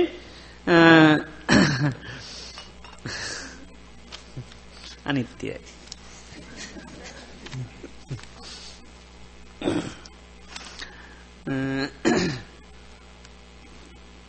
මේ මේ අමනසිකාරය කරොත් මොකද වෙන්නේ අර අපි පවත්වන අරමුණ ගිලිහිලා යන. එනිසා නිතරම සෑම භාවනාවක්ම මනසිකාරයක් එක්ක පවත්තන්න ඒකයි දේශනා කළ තියන්නේ දැන් අරූපාවචර ජානවිතන් දියුණු කරනට මනසිකාරයක් තියනවා. ඒ තමයි අනන්තු ආකාසු ආකාශය අනන්තයි කියලා ආකාස අනංචායතන වරණකොට දියුණු කරනවා. ඉති ඒ තුළ තමයි යාට මේ ඒ ස්වභාවේ මේ තුළ හඳුනාගෙන ඒක පවත්වාගෙන යන්න පුළන් ඒ නිසා මෙ අට්ටික සංඥාවරන්නකොටත් මනසිකාරය කොයි වෙලයෙක්වත් අත්හරින් නැතු දිගටම පවත්වන්න මේ කයේ ඇට සැකිල්ලත් තියෙන ඒකත් එක තමයි හිත පිහිටලා ආන්න කායිකව තියෙන ස්වභාවේ තමන්ට පේන පටන් ගන්න පුළ නමුත් ඒක පෙවුනත් තියෙන මනසිකාරය හිට පීටන වැරෙන් ඒක දිහ බලාන ඉන්දියන්නත් එපා එතොට ඇත්සැකිල නැතිවලේ තුර දුකහිතිී.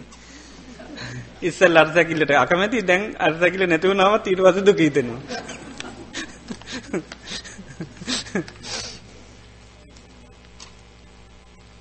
මේ අතට්ටික භාවනාව පිළිබඳව ගෞරවනීය ස්වාමින් වහන්සේ මම ඉඳගෙන ඇට සැකිල්ල මෙනෙහි කරන විට ටික වේලාවකින් ඇට කැබල්ලක් පමණක් මනසට අරමුණු විය. ඒ දිහා බලාගෙන සිටින විට එහි සංයුතිය අරමුණු විය. මෙය පඨවි ආපෝ තේජෝ වායෝ වර්ණ ගන්ධ රස ඕජා වලින් සෑදුණු එකක් බව මෙනෙහි වී එහි වර්ණය වෙනස් වී ලී කුඩු ස්වභාවයක් බවට පත් වී සුළඟේ ගසාගෙන ගියා. එවිට මේ ඇටගොඩ අනිත්‍යයි අරමුණු වී අනිත්‍ය සංඥාවේ සිත නතර විය. එය වැරදිද නිවැරදිද එය වැරදි මනස්කාරයක් නම් ඒ අවස්ථාවේ කුමක් කළ යුතුද කාරුණිකව පහදා දෙනමින් දෙපා නැමද ඉල්ලා සිටිමි.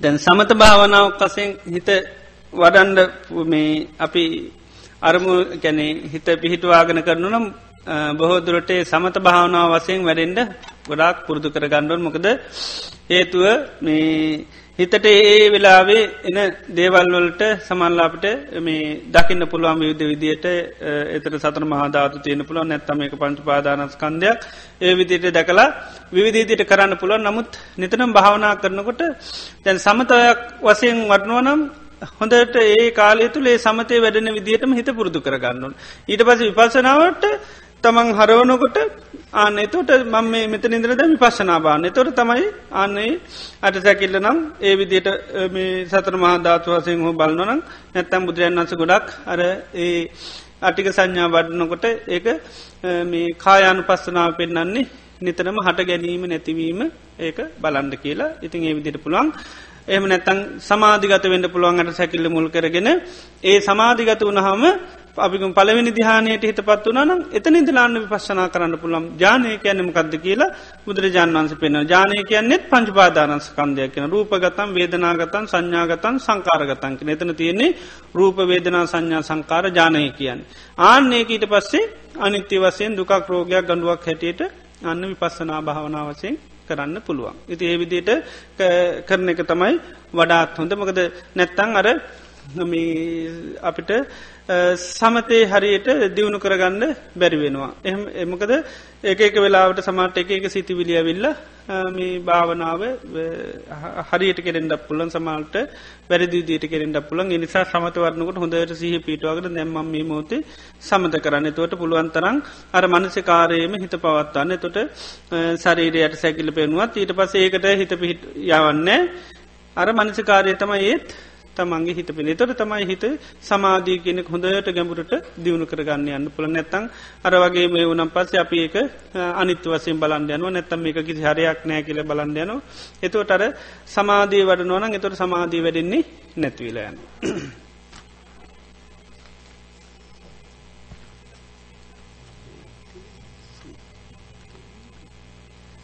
වත්තුූපම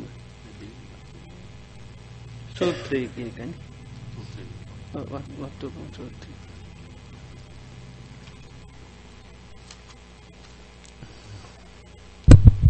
ගරු ස්වාමින් වහන්සේ වත්තෝපම සූත්‍රයේ ක්ලේශ ගැන සඳහන් වන කරුණු මදක් පැහැදිලි කර දෙනමින් කරුණාවෙන් ඉල්ලමි.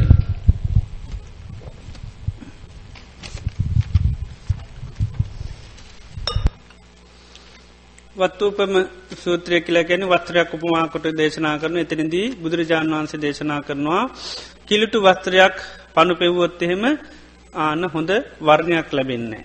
පිරිසුදු වස්ත්‍රයක් පණු පෙව්වොත් තමයි හොඳ වර්ණයෙන් ලැබෙන්නේ. ඒ වගේ කිලිටි හිතත්තියාගෙන සුගතිය පාර්ථනා කරාට ලැබෙන්න හැ පිරිසිදු හිත තියාගෙන සුගතිය පාර්ථනා කරොත් ලැබෙනවා. එතනදී මේ සිත කෙලෙසෙන දේවල් පෙන්නවා. දැඩි ලෝබේ කියන සිත කෙලෙසෙන ධර්මයක් කියන අනුන් සතු දේවල් වලට දැඩි ලෙස ආසා කිරීම ඒ අන්න සිත කෙලෙසෙන ධර්මයක් හැටියට පෙන්නෙනවා.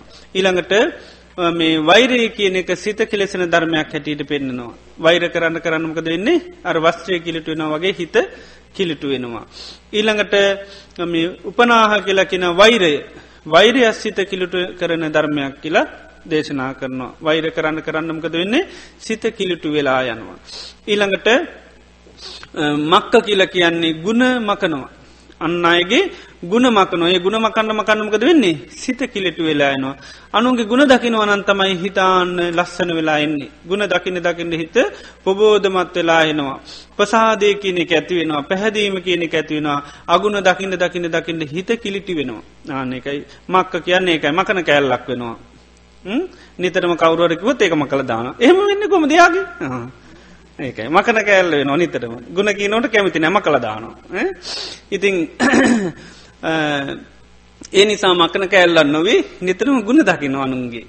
අනුන්ගේ තියෙන ගුණ කියනකොට ආඒක අනේ සාදු සාදු කියලා අනුමෝදං වෙලා ආන අපිත් ඒ ගුණ අන්න දකින්න බලාපන දකිනල පුද්ජලයන් පිළිබඳ ආන්න ප්‍රසාධයක් ඇතිවෙනවා ආනකයි.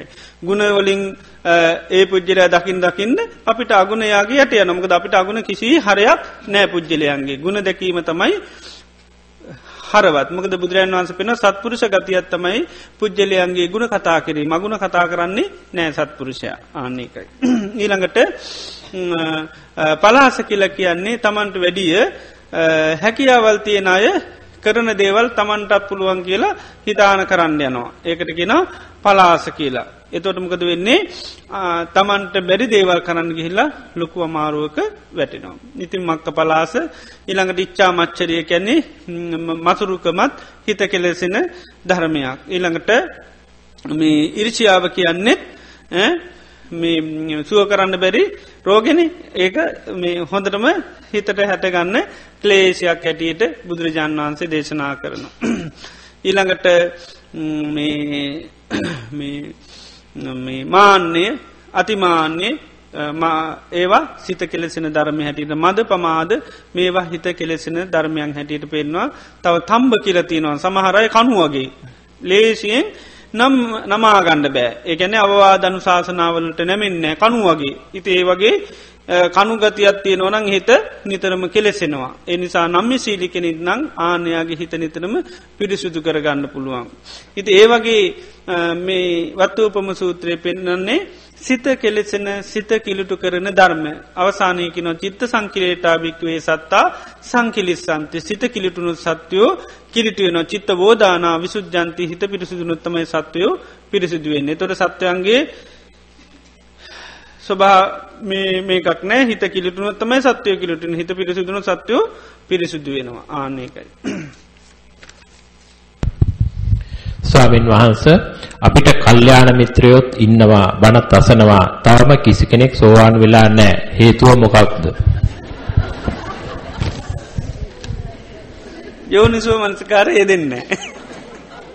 ඒක ලිවනෑ නේද කල්්‍යාන මිත්‍රයකින්නවා බනත් අහනවා එච්චරයි. කෑමත් තියනවා උයන හැටිකාගෙන් අරගින් ඉගෙන ගන්නවා කාල නෑ. එතන මොකද. නෙතර මන්ද පෝෂණය කියලා කියනවා. ඉතින් කියනවා මම මේ කන හැටි කොච්චර ගිහිල්ලිගෙන කර තියෙනවාද.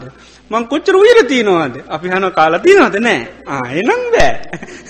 ඒ වගේ තමයි බණ කොච්චර හැව්වත් බෑ ඊළඟට ආන්න බණ කොච්චර හැවත් බෑ කල්්‍යාන මිත්‍රන් එක්ක වැටී නිදාගෙන හිටියත් බෑ. එතොට හැන්දක් අට කියන හොද්ද හැන්ත තිබ්බට වැඩක් නෑ ආනකයි දිවක් වෙන්ඩ කියනවා. දිව උනොත් තමයි වෙන්නේ. ඒ නිසා කල්්‍යාන මිත්‍ර ඇසුරු තිබූ පමණින්ම සද්ධර්මය ඇසී පමණින්ම බැහැ. ඒ දෙකට කියනම ගත්ද බාහිරංග බාහිර ගංග තිබිල බෑන. ඒ දෙක අත්‍යවශ්‍ය ඊළඟට මොකක්ද අජ්‍යත්තිකංග දෙකත්ති ඒ දෙකත් ඕනි මොකක්ද යෝනි සෝමනසිකාරයයි දම්ම අනු දම්ම පසිපත්තියයි ඒ දෙක තිබුණුත් තමයි සෝතා පන්න වෙන්නේ. ඉතින් ඒ නිසා දෙකක් දැන්තින එන අනි දෙක තියුණු කරන්න සෝතා පන්න වෙන්න පුළුවන්. එනම් අද ඉඳලා හොඳට යෝනි සෝමනසිකාරී දෙන්න දම්මානු දම්පති පදාව ජීවත්තෙන්ට ආන්‍යතකර සෝතා පන්න භාවයට පත්වේවී. මේ ජීවිතය බැරනත් කවධරි පත්වෙනවා. ගරුතර ස්වාමින් වහන්සේ කරුණාකර සංස්කාර හා භවය යන්නේ අදහස් කරන්නේ කුමක්දයි පහදා දෙන්න. කාය සංස්කාර, වචී සංස්කාර හා චිත්ත සංස්කාර වලට නිදසුන් මොනවාද? රහත් තත්වයට පත්වෙනවා කියන්නේ සියලු සංස්කාරයන්ගෙන් දුර්වීමද නැතහොත් වචී සංස්කාරයන්ගෙන් පමණක් දුර්වීමද?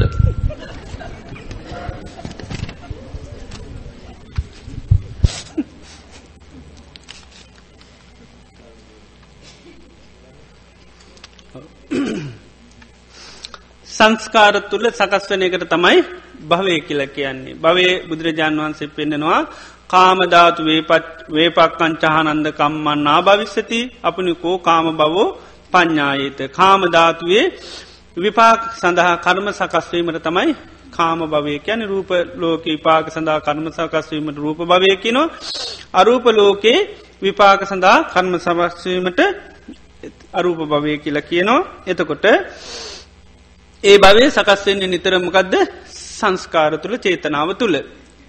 ඉළඟට කාය සංකාර.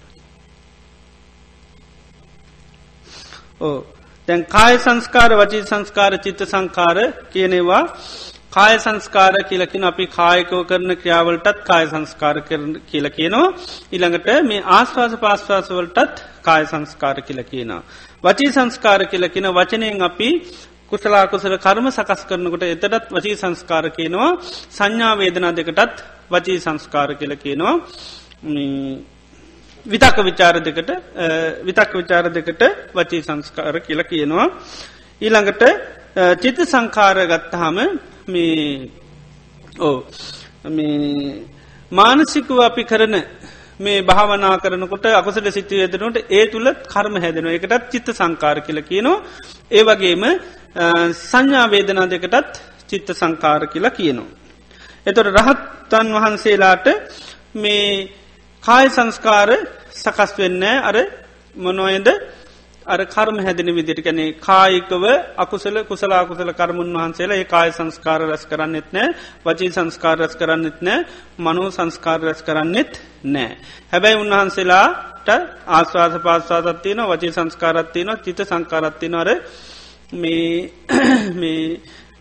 මේ කාය ආස්වාස පාසාස හැටියට ගන්න කාය සංස්කාරතුන ඒ තුන තියෙන අරතුන තමයි නැති වෙලා යන්නේ. හරිනි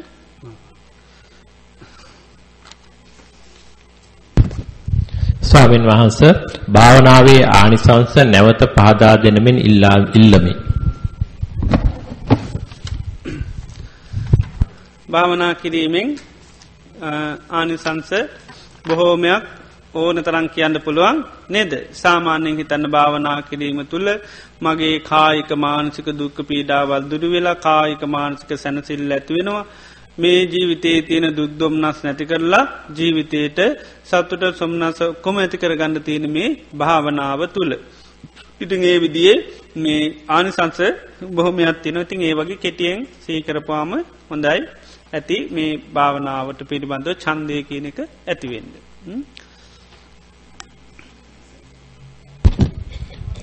අවසාන ලිකිත ප්‍රශ්නය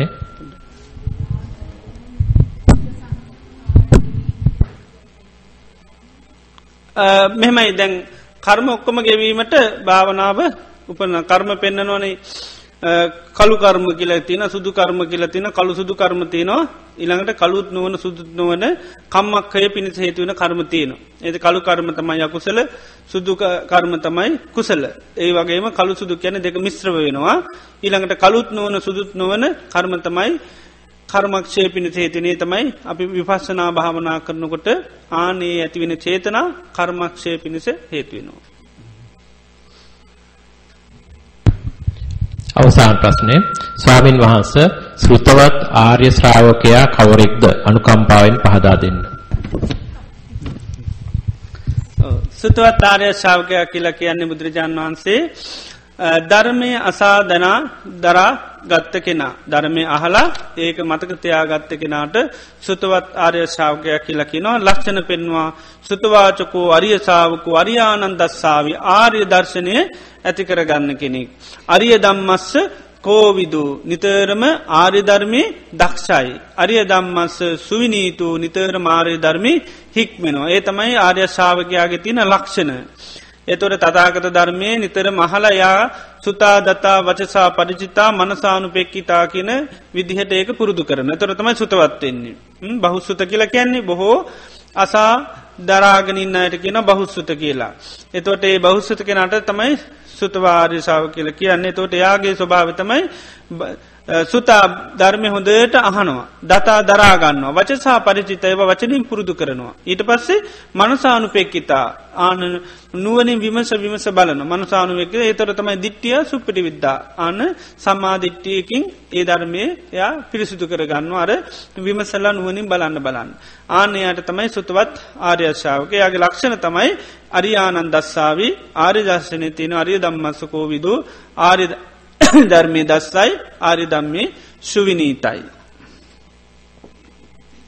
එනම් හැමද නාටම සුතවත් ආර්යශාවකයන් වෙඩ ලැබේවා කියලා ආශිර්වාදසය.